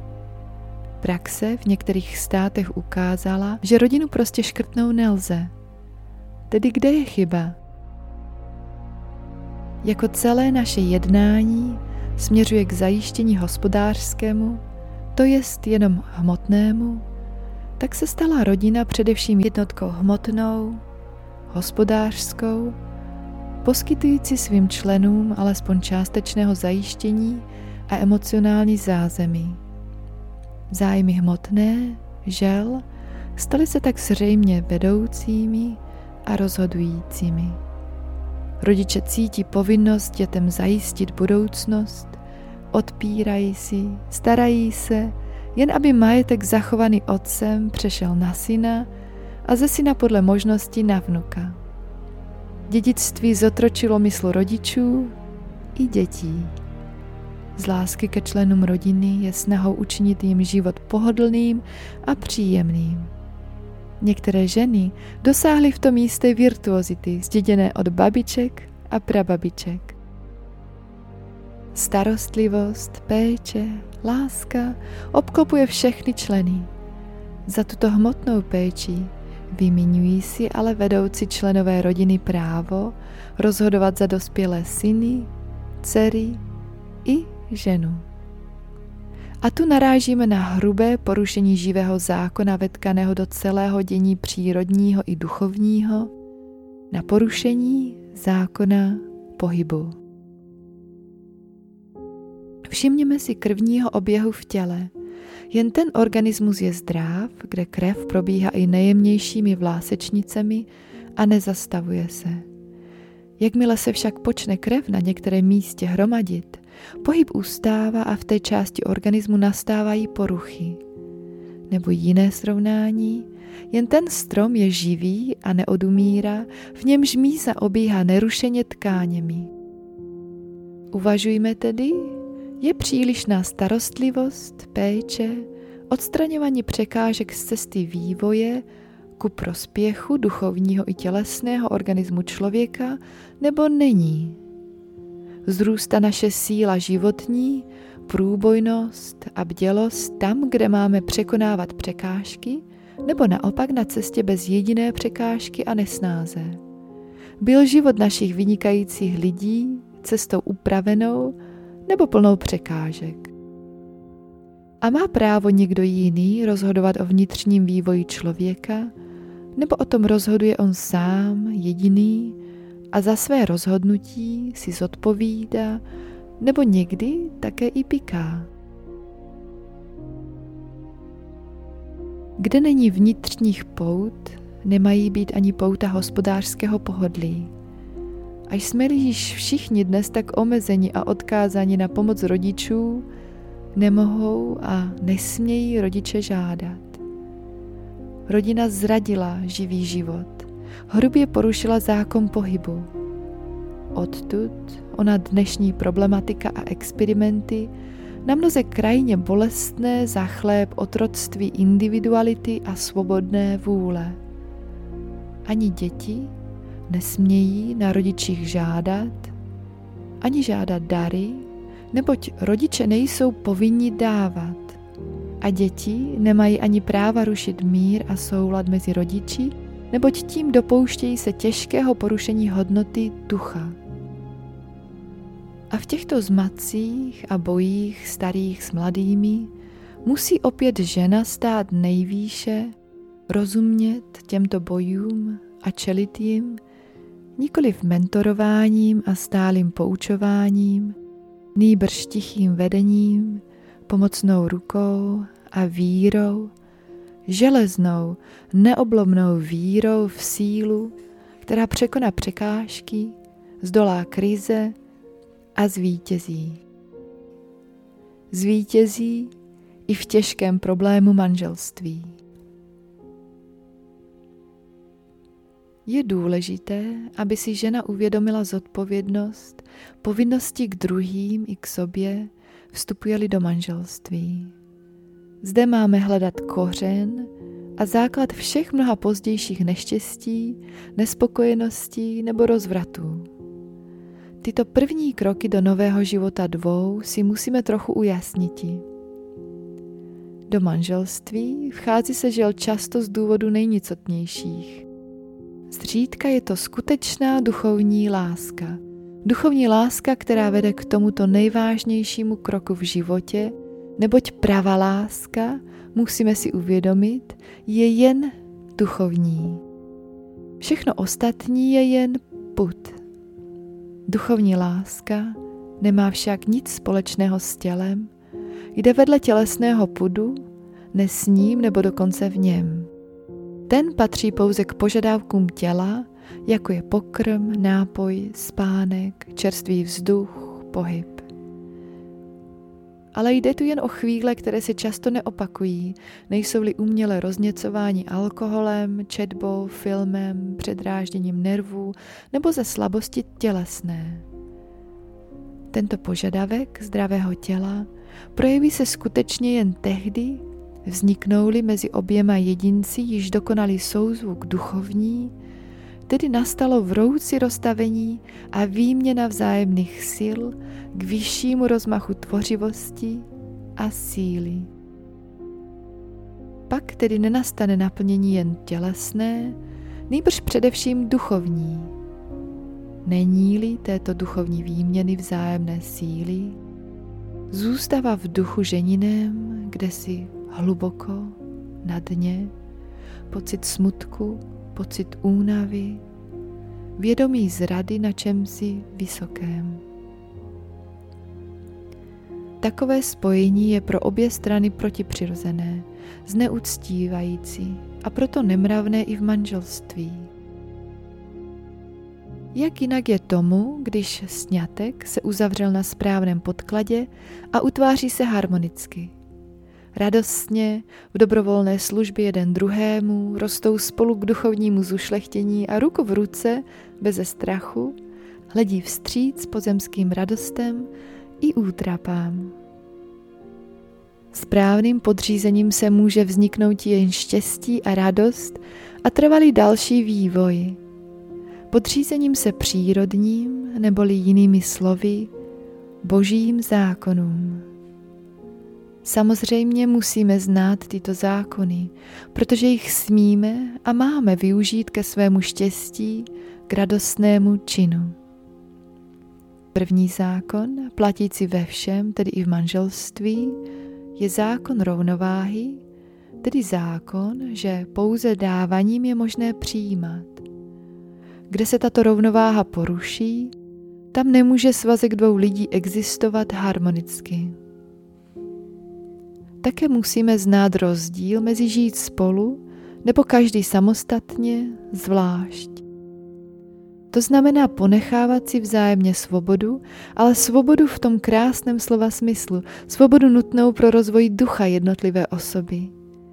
Uznat, že má povinnost také každý sám k sobě. Ne se ztrácet jeden ve druhém, nýbrž se doplňovat, posilovat. Muž stojí v tomto světě frontou na venek, aby bojoval. Žena však udržuje a chrání mu týl. Udržuje takzvané spojení se světlem, tedy s jemnými proudy vyššího vedení, vyšší jemné síly, duchem uchopitelnými cnostmi, vyšší láskou, čistotou a ze zákony stvoření. A tvoří tak jádro příliv síly, kde však žena klesne vnitřně ve svém jemném a ušlechtilém úkolu ženy nebo mravně, Není bdělá ve vycitování a odmítání nečistých, nekalých proudů, ve svém myšlení, slovech a skutcích nedodržuje-li zásadu, udržují krb svých myšlenek čistý, tam je také fronta ztracena. Pak také nepomůže, chceli se žena postavit po boku muže do fronty, kam vůbec nepatří. V takovém boji jen stvrdnou její jemné city, a nejjemnější vnímání, poklesne její nejvyšší schopnost a síla, která jí byla kdysi dána a všechno se musí zřítit v trosky. A přece chceme, aby v manželství byla jen krása, radost, štěstí, spokojenost. To je možné jen když stojíme každý na vlastních nohou, na vlastním místě, blízko sebe ale každý sám. Tak si mohou manžele vzájemně pomoci. Kdyby jeden s druhým splynul, tvořili by pak něco těžkého, spoutaného a ve chvíli nějaké těžké situace by nebyl nikdo z nich schopen podat druhému pomocnou ruku. Jak muž, tak i žena přinesli si každý do pozemského života určité vlastnosti, jimiž manželství se mají doplňovat a věří-li jedna část o druhé, že je plnocenná, tedy ve spojení a působení obou musí celým jejich pozemským životem znít vyšší harmonie. A o takové manželství se pak říká, že je uzavřeno v nebi. Je třeba mít jen oči, uši a srdce otevřený, aby se ten druhý v skutku vhodný a doplňující díl našel.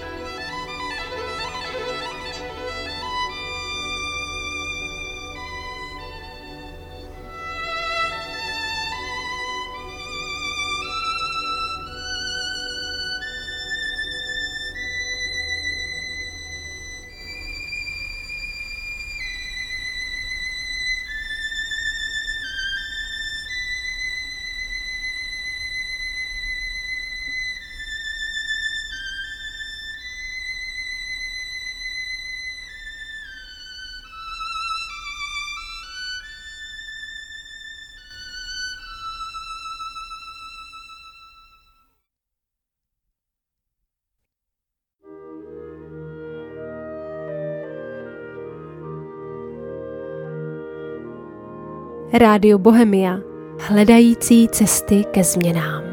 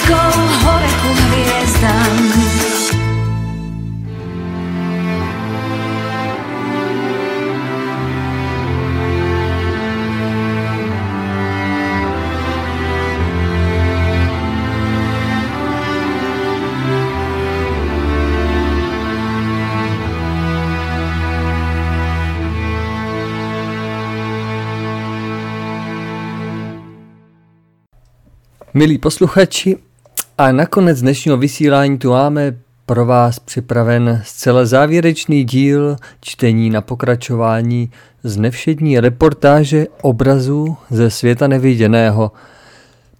Můžeme k tomu asi dodat, že každá domácnost, každá osada, každé město i národ a dokonce i světový oddíl má přirozeně také svého vládce nebo správce – Říká se, že osvícený panovník je určen z hůry. Co si pod tím ale představit? Skutečnost je prostá jako vše, co je pravé. Z hora vyvolený je jedině ten, kdo vlastním úsilím po dobru a po hodnotách pravého lidství ovládl nejvyšší zralost ducha a tím také dosahuje na nejvyšší spojení s duchovním vedením. Čím vyšší spojení, tím také kratší bloudění. Světlý vůdce nemůže být nikdy dosazen lidským násilím. Osvícený panovník může být zvolen a dosazen přirozeně lidmi, kteří touží po spravedlnosti. Touží sloužit svým životem věčným hodnotám pravdy. Proto opovrhnou krátkodobými výhodami hmoty, to však platí pouze na zemi. Na onom světě již nevládne lidská vůle, ale jedině boží zákony. Závěrečný díl nás zavede nad očekávání opravdu do velmi nečekané návštěvy a my se rozloučíme s přítelem Hubencnem, který nám vzácné obrazy ze světa nespatřeného pro naši cestu zprostředkoval. Závěrečný díl nás dnes zavede na opravdu velmi nečekanou návštěvu a my se takto důstojně rozloučíme i s přítelem Hugh Bensonem a Antonio Borgiou, kteří nás provázeli a vzácné obrazy ze světa nespatřeného nám pro naši další cestu zprostředkovali. Za kolektiv Rádia Bohemia se s vámi pro dnešek loučí Marek Vopelka a jak už všichni víte, věřme, že bude lépe a dělejme všechno tak, aby lépe bylo.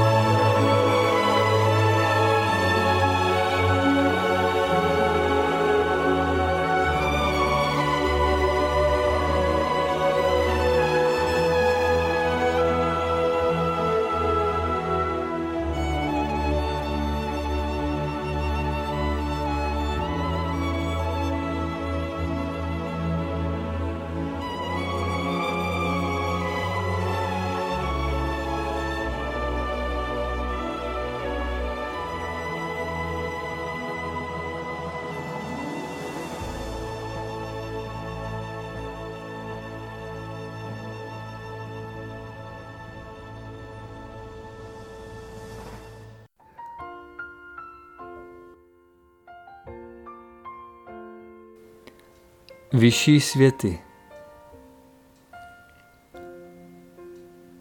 Často jsem mluvil o vyšších světech. Jsou dva způsoby, jenom dva, jak proniknout do těchto vznešených oblastí. První je náš vývoj a duchovní pokrok. Druhý je zvláštní pozvání některého z obyvatel těchto oblastí. Každý jiný způsob znemožňuje neviditelná přehrada duchovní nedostupnosti. Chci mluvit o zvláštním pozvání, které jsme obdrželi k návštěvě těchto vysokých světů. Seděli jsme v místnosti mého domu, odkud jsme viděli venkovní krásy našeho světa, zářivé panorama a za ním město tak jasné, jako by zcela blízko. Edwin a já jsme rozmlouvali, zatímco Ruth hrála na klavír jemnou příjemnou skladbu, která byla v souladu s našimi okamžitými city a s celým barevným rámcem, který nás obklopoval. Ruth prožívala znovu překvapení, jaké měla, když viděla poprvé klavír ve svém domě. Byla dojata, když si sedla k novému nástroji a uhodila první akord. Nevěděla, co se ozve a byla překvapena skvělým harmonickým zvukem, jaký si neuměla představit. Její překvapení však neskončilo. Zjistila, že svoji virtuozitu si přinesla sebou a že její obratnost byla nyní stokrát větší. Také objevila, že jakmile položila na nástroj ruce, oni poletovali po nástroji jakoby sami, bez vědomého úsilí a paměť byla dokonalá tak, jako by měla noty před sebou. Nyní plnila vzduch nádhernými tóny, což nám pomáhalo se uvolnit, neboť jsme právě vykonali mimořádnou práci. Všichni tři pracujeme společně a společně také odpočíváme. Edwin a Ruth tráví mnohem více času v mém domě, než ve svých a to mne těší. Ruth náhle ustala ve hře a běžela ke dveřím. Byli jsme zvědavi, co jí zarazilo a spatřili jsme vcházet po trávníku dvě vznešené bytosti, o nichž jsme se zmínili. Byl to egyptian, který mi dal užitečný pokyn, když jsem tu byl jen krátký čas a který se od té doby o mne postaral. Druhý byl jeho mistr, který dělal společnost velkému nebeskému návštěvníku v chrámu města. Mistr egyptiana měl vlasy černé jako uhel a oči plné veselosti a humoru. Později jsem se dověděl, že je to chaldejec. Šli jsme jim radostně vstříc a oni nás potěšili ujištěním, že nás mohou navštívit.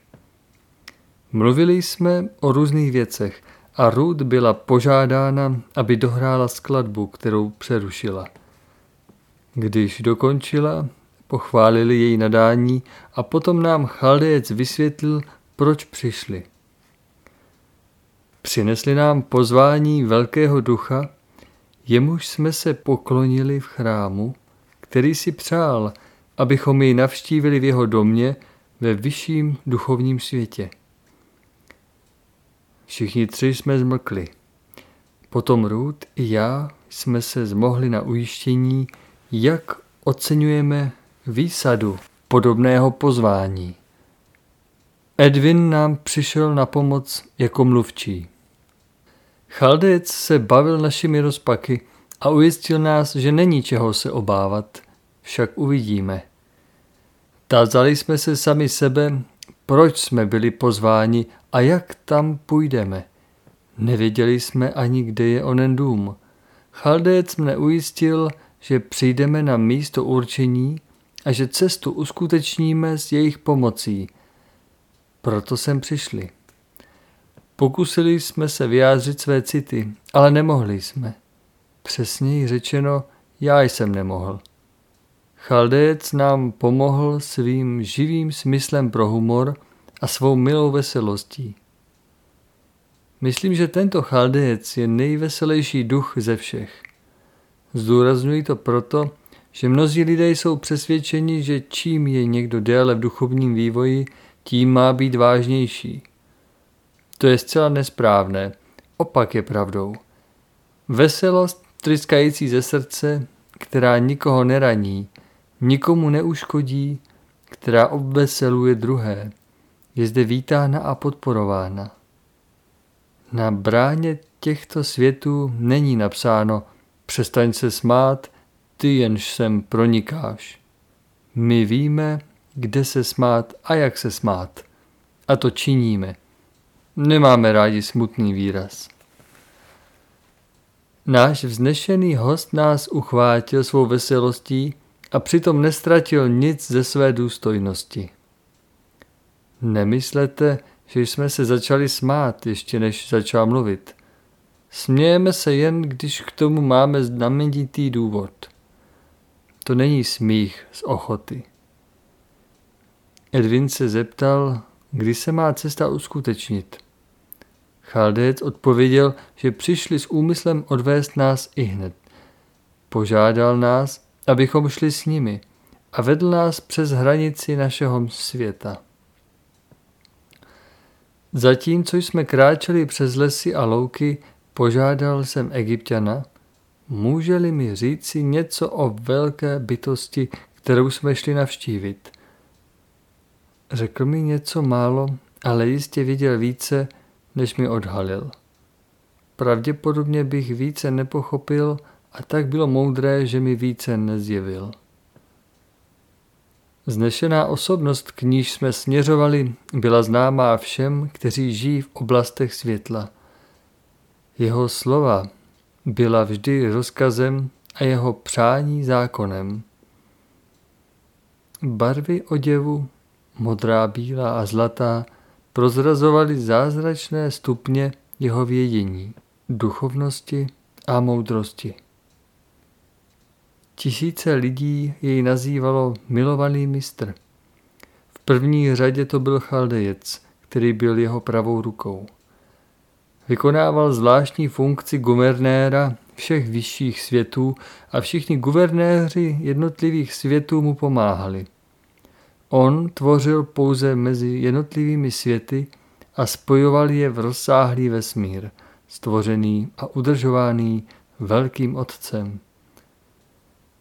Je nemožné vylíčit jeho pravomoc v duchovním světě a kdyby to bylo možné, bylo by to nepochopitelné. Nemá na zemi protějšku, ani srovnání s pravomoci pozemskou. Je možné vyvolat vzpomínku na pozemské vládce, kteří panovali nad velkým královstvím a spravovali velká území strachem, tyranizovali poddané, kteří žili jako otroci. Ale žádný král v dějinách země neřídil tak rozsáhlý stát, jako osvícená osobnost, o níž mluvím.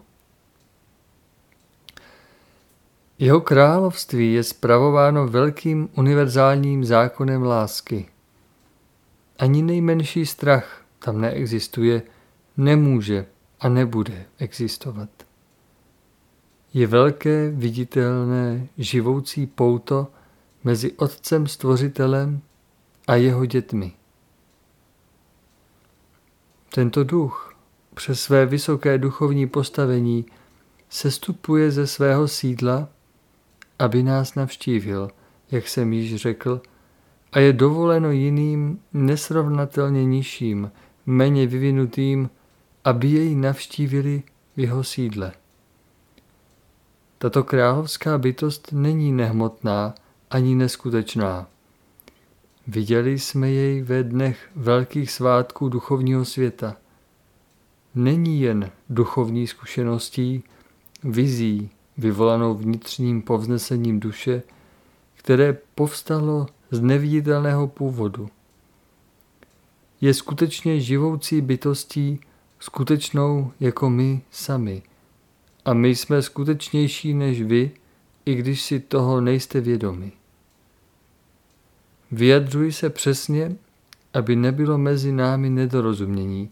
Rozšířila se myšlenka, že bytosti vyšších světů jsou tak éterické, že jsou viditelné jen bytostí svého druhu a že není možné se k ním přiblížit.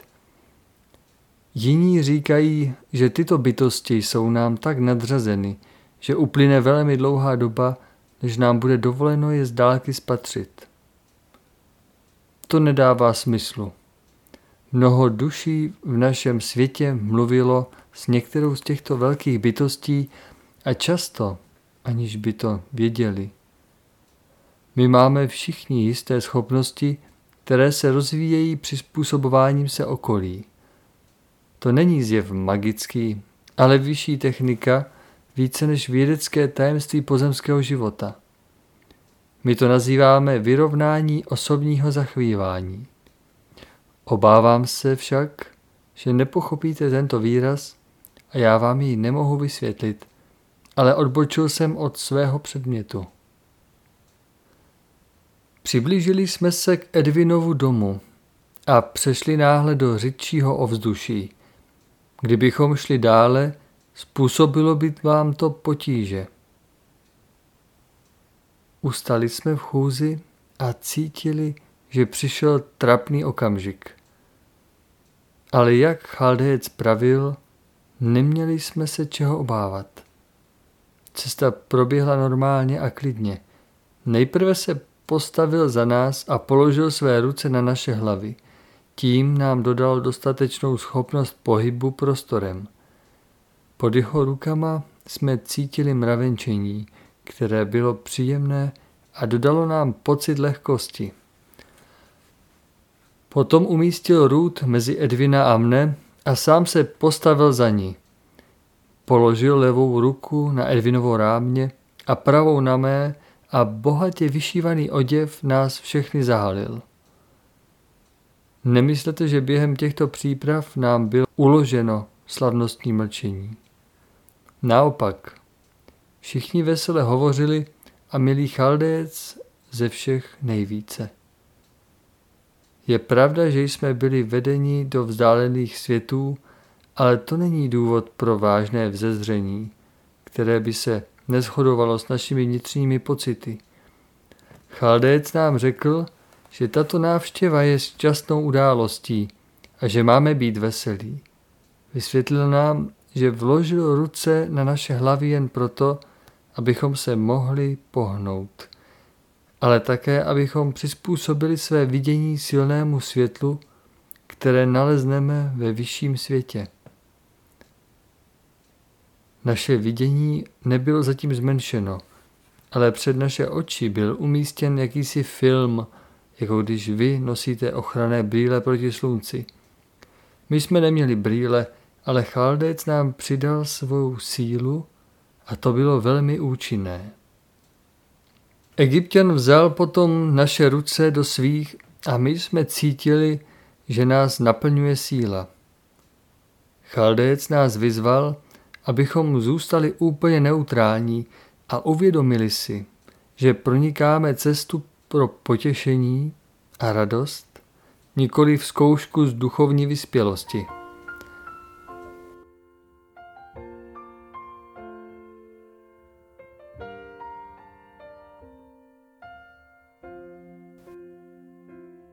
A nyní, přátelé, pravil, náš příchod je očekáván. Pojďme. I hned jsme cítili, že letíme, ale ve vteřině tento pocit ustal a žádný pohyb jsme již necítili. Překvapilo nás nesmírně jasné světlo, nebylo však oslňující. Zmizelo tak rychle, jak přišlo. A já jsem cítil pevnou půdu pod nohama. První pohled na vyšší svět se otevřel našim zrakům. Byli jsme na území vrcholné, nepředstavitelné krásy. Nemohu vám odhalit vašimi slovy, co jsme viděli. Byli jsme v království, to bylo vidět na první pohled. Byli jsme na kopci nad městem. Naši přátelé nás zavedli úmyslně na toto místo, abychom viděli tenhle pohled. Bylo nám řečeno, že náš čas je omezen a že mistr Chaldec si přeje, abychom za tu dobu viděli co nejvíce. Před námi se rozkládala široká řeka, pokojná a krásná. Světlo nebeského slunce barvilo každou vlnku spoustou barev a odstínů. Na pravém břehu řeky ve střední poloze byla rozsáhlá terasa vedoucí až k vodě. Zdála se být z nesmírně jemného alabastru. Odtud vedlo velké schodiště k nejnádhernější stavbě, jakou si možno představit. Měla několik poschodí, z nichž každé vyšší bylo o něco menší než předchozí. Povrch byl bez dekorací. Důvod byl zřejmý. Celá budova byla vytvořena ze safírů, diamantů, topasů. Tyto tři druhy krystalických drahokamů nesly tři barvy – modrou, bílou a zlatou, což byly barvy oděvu našeho nebeského návštěvníka, jak jsme jej viděli v chrámě. Modř, běloba a zlato tohoto paláce klenotů, ozářeny čistým zářením centrálního slunce, byly tisíckrát znásobeny a vysílali na všechny strany paprsky čistého světla. Celá budova tvořila jiskřící a zářící masu. Mysleli jsme na drobné pozemské topasy, diamanty a safíry a před námi byla celá budova z těchto drahokamů, jaké si pozemský člověk nemůže ani představit. Naše první otázka se týkala důvodu nebo významu zvláštního materiálu, který byl před námi – Chaldec odpověděl, že užití tohoto materiálu nemá zvláštního významu. Tyto drahokamy jsou jedním z běžných prvků tohoto světa. V našem světě jsou stavby temné, i když mají jistou průsvětnost, ale jsou temné ve srovnání se stavbami vyšších světů. Prošli jsme jinými světy, než jsme přišli do tohoto světa – a kdybychom měli možnost je pozorovat, byli bychom spatřili postupnou přeměnu materiálů poměrně těžkých až z našeho světa v krystalickou substanci, na níž jsme hleděli. Barvy však měly zvláštní význam, jak jsem již naznačil. Okolo paláce byly vidět zahrady okouzlující krásy, které tvořily nádherný orientální koberec. Bylo nám řečeno, že zblízka už nebudeme moci tento koberec obdivovat, neboť budeme uprostřed skvostných květin a hebkých sametových trávníků. Sotva jsme mohli odvrátit oči od mimořádné nádhery paláce a jeho okolí, když nás Chaldéc upozornil na ostatní části vyhlídky. Táhla se do ohromné dálky a náš pohled byl zde znásoben skoro do nekonečna. Na celé této ploše jsme viděli nádherné konstrukce z drahokamů, smaragdů, ametistů a dále čehosi, co se podobalo perlám. Každá budova byla umístěna uprostřed zahrad kde rostly stromy bohatých barev a nepředstavitelných výšek. Kam jsme pohlédli, viděli jsme budovy z jiskřících drahokamů, které odrážely paprsky centrálního slunce, myriády sitých barev květů a záření vody řeky, která se od nás táhla do dálky. Když jsme očarováni pohlíželi na krajinu, zdálo se, že světelný paprsek přišel z paláce k Chaldejci a ten vyslal v odpověď zase paprsek k paláci. Naše přítomnost byla známa a byli jsme takto požádáni, abychom přišli k paláci, kde nás hostitel očekává. To byl obsah poselství paprsku. Způsobem pohybu který nás dopravil do tohoto světa, jsme se rychle ocitli na terase u řeky. Odtud jsme kráčeli k vrcholu schodiště, které vedlo k hlavnímu vchodu paláce. Terasa i schodiště byly z čistého bílého materiálu a překvapila nás jeho měkost, jako bychom šli na sametově měkkém trávníku. Naše kroky nebylo slyšet, jen naše odivy šustily při chůzi. Bylo ovšem slyšet mnoho jiných zvuků. Vzduch byl plný harmonií, pocházejících z barev, jichž byla všude hojnost. Teplota byla vyšší než v našem světě. Chaldec nám pravil, že byla ještě vyšší, než jsme cítili. Ale náš duch byl chráněn proti rozdílu teploty právě tak, jako proti intenzitě světla. Něžný vánek laskal naše obličeje líbeznými vůněmi. Byl bych rád pozoroval materiály zblízka, když jsme procházeli před síněmi paláce, ale čas nás pobízal. Náš pohyb nemohl být prodlužován déle, než můžeme vzdorovat zředěnému ovzduší a intenzitě světla přes zásobu síly, kterou nám dali Chaldec a Egyptian. Místnosti a galerie neměly onu drtivou velikost, jak by se dalo předpokládat v tak velké budově. Zdi i zem byly z drahokamů, na stěnách byly pastýřské scény, pro něž umělec použil všechny klenoty pozemskému člověku známé i neznámé. Byly to mozaiky, které vyvolávaly dojem tekutého světla, mohli se tak vyjádřit. Částečky obrazů vysílaly světelné paprsky všech potřebných barev, zdali se být život sám. Barvy měly tolik odstínů, kolik jich pozemské barvy nemohou mít. Nikdy bychom nevěřili, že existuje tolik drahokamů. Když jsme kráčeli chodbami, byli jsme zdravení přátelskými půvabnými bytostmi a díky jim jsme měli ještě více pocit, že jsme vítáni. Všude bylo znát teplo přátelství a náklonosti. Konečně jsme přišli k malé místnosti a Chaldec pravil, že jsme dosáhli nejvyššího místa našeho putování.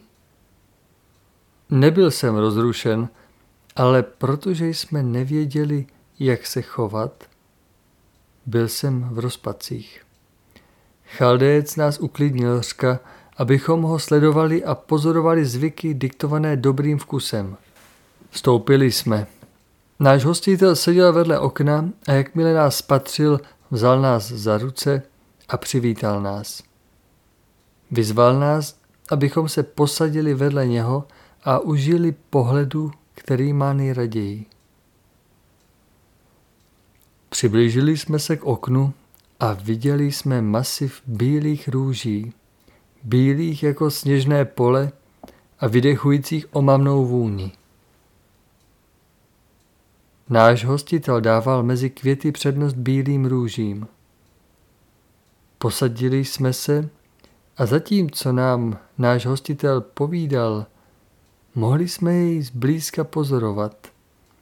Vypadal podobně jako tehdy, když nás navštívil v našem světě. Přece tu však byly některé rozdíly, jako vlasy, například v našem světě zdály se jako zlato. Zde se podobali dřív zářícímu zlatému světlu než zlatu.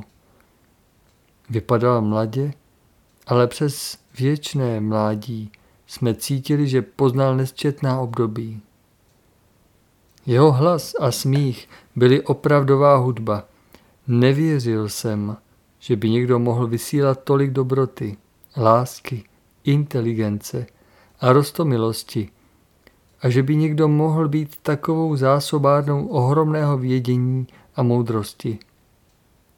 Cítili jsme, že po Otci nebes on měl klíč k vědění a moudrosti.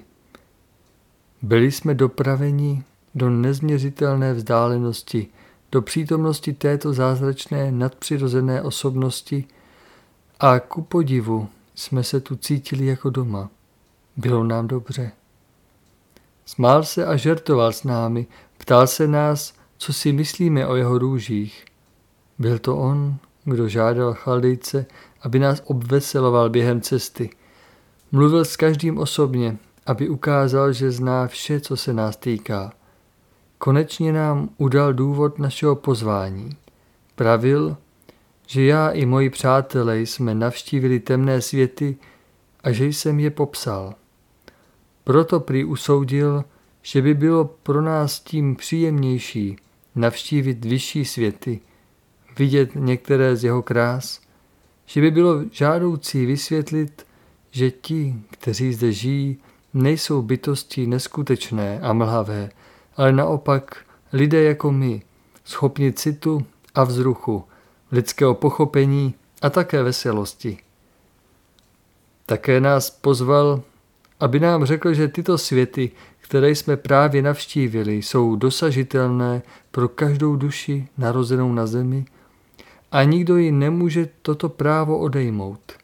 I když bude k tomu třeba nesčetných let, máme před sebou celou věčnost dosažení tohoto cíle a nesčetné prostředky, které nám pomohou ku předu. To je, pravil, jednoduchá skutečnost tohoto světa, žádné tajemství, vše je čestné, jasné, bez překážek a náboženských doktrín. Není třeba příslušnost k žádnému náboženství, neboť žádné nemá moc ani právo zabezpečit komukoliv spásu duše. Tento svět neobyčejné krásy je volný, otevřený všem. Všichni se mohou pozvednout z temných oblastí a vypracovat se až sem. To může požadovat velmi dlouhý čas, ale je to velký a krásný cíl životů duší z pozemského světa. Náš dobrý přítel Chaldec připomněl svému mistru, že náš pobyt se blíží ke konci. Mistr vyslovil politování, ale ujistil nás, že nám později pošle další pozvání. Neodolali jsme zvědavosti, rozloučili se pohledem z okna, odkud jsme viděli bílé růže. Ještě jednou jsme na ně pohlédli a byli jsme připraveni k odchodu. Náš vlídný hostitel nás doprovodil až na kopec, odkud jsme viděli jeho království. Šli jsme jinou cestou, než jsme přišli do paláce. Přivedla nás k masivu bílých růží. Náš hostitel se zastavil, utrhl tři krásné růže, nejkrásnější, jaké lidské oko kdy spatřilo. A každému z nás jednu nabídl. Naše radost byla tím větší, když jsme viděli, že dík naší lásce květy nikdy nezvadnou ale náš hostitel nás ujistil, že budou udrženy jeho a našimi myšlenkami. Konečně jsme dosáhli místa našeho odchodu. Slovy nelze vyjádřit naše city, ale mysleli jsme na toho, který nám dopřál toto vrcholné štěstí, tuto předzvěst našeho určení a určení všech, kteří žijí na zemi i ve světě duchovním s požehnáním nám všem a s úsměvem, který odhaloval nesmírnou lásku a dobrotu, popřál dobrou cestu a my jsme se ocitli znovu v našem světě. Pokusili jsme se vám odhalit i podrobnosti o tom, co jsme viděli v duchovním světě. Nemohu vám podat to, co je čistě duchovní, a také není možné vystihnout skutečnost. Ani jsem nemohl povědět o všem, co jsem viděl v duchovních světech. Vyžádalo by si to četných svazků, a tak jsem volil jen to, co jsem cítil, že bude pro vás nejzajímavější, nejužitečnější a nejpřijatelnější. Mým živým přáním jest, abych vzbudil váš zájem a pomohl vám na chvíli nemyslet na nutné věci pozemského světa a poskytl vám pohled do světa duchovního. Mohu-li vám přinést něco štěstí a naděje ke vstupu, jsem odměněn za své úsilí. Kež všemohoucí pán vám požehná.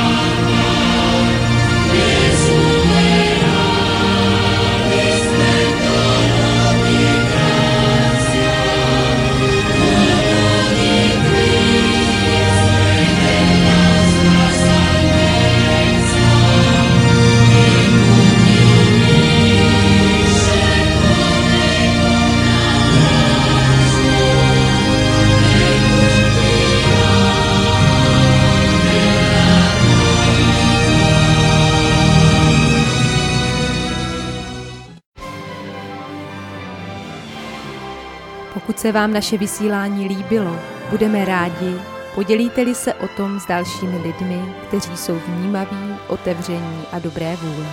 Děkujeme vám.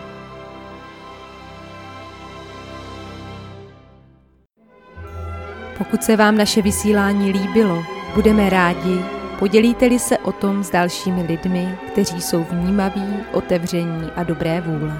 Děkujeme vám. Pořady Rádia Bohemia vznikají díky dobrovolné a usilovné práci mnoha lidí. Pokud vás naše snažení zaujalo a chcete mu také pomoci, podpořte prosím jeho provoz a rozvoj. Více informací naleznete na naší web stránce www.radiobohemia.cz podstránka Podpořte nás. Děkujeme vám.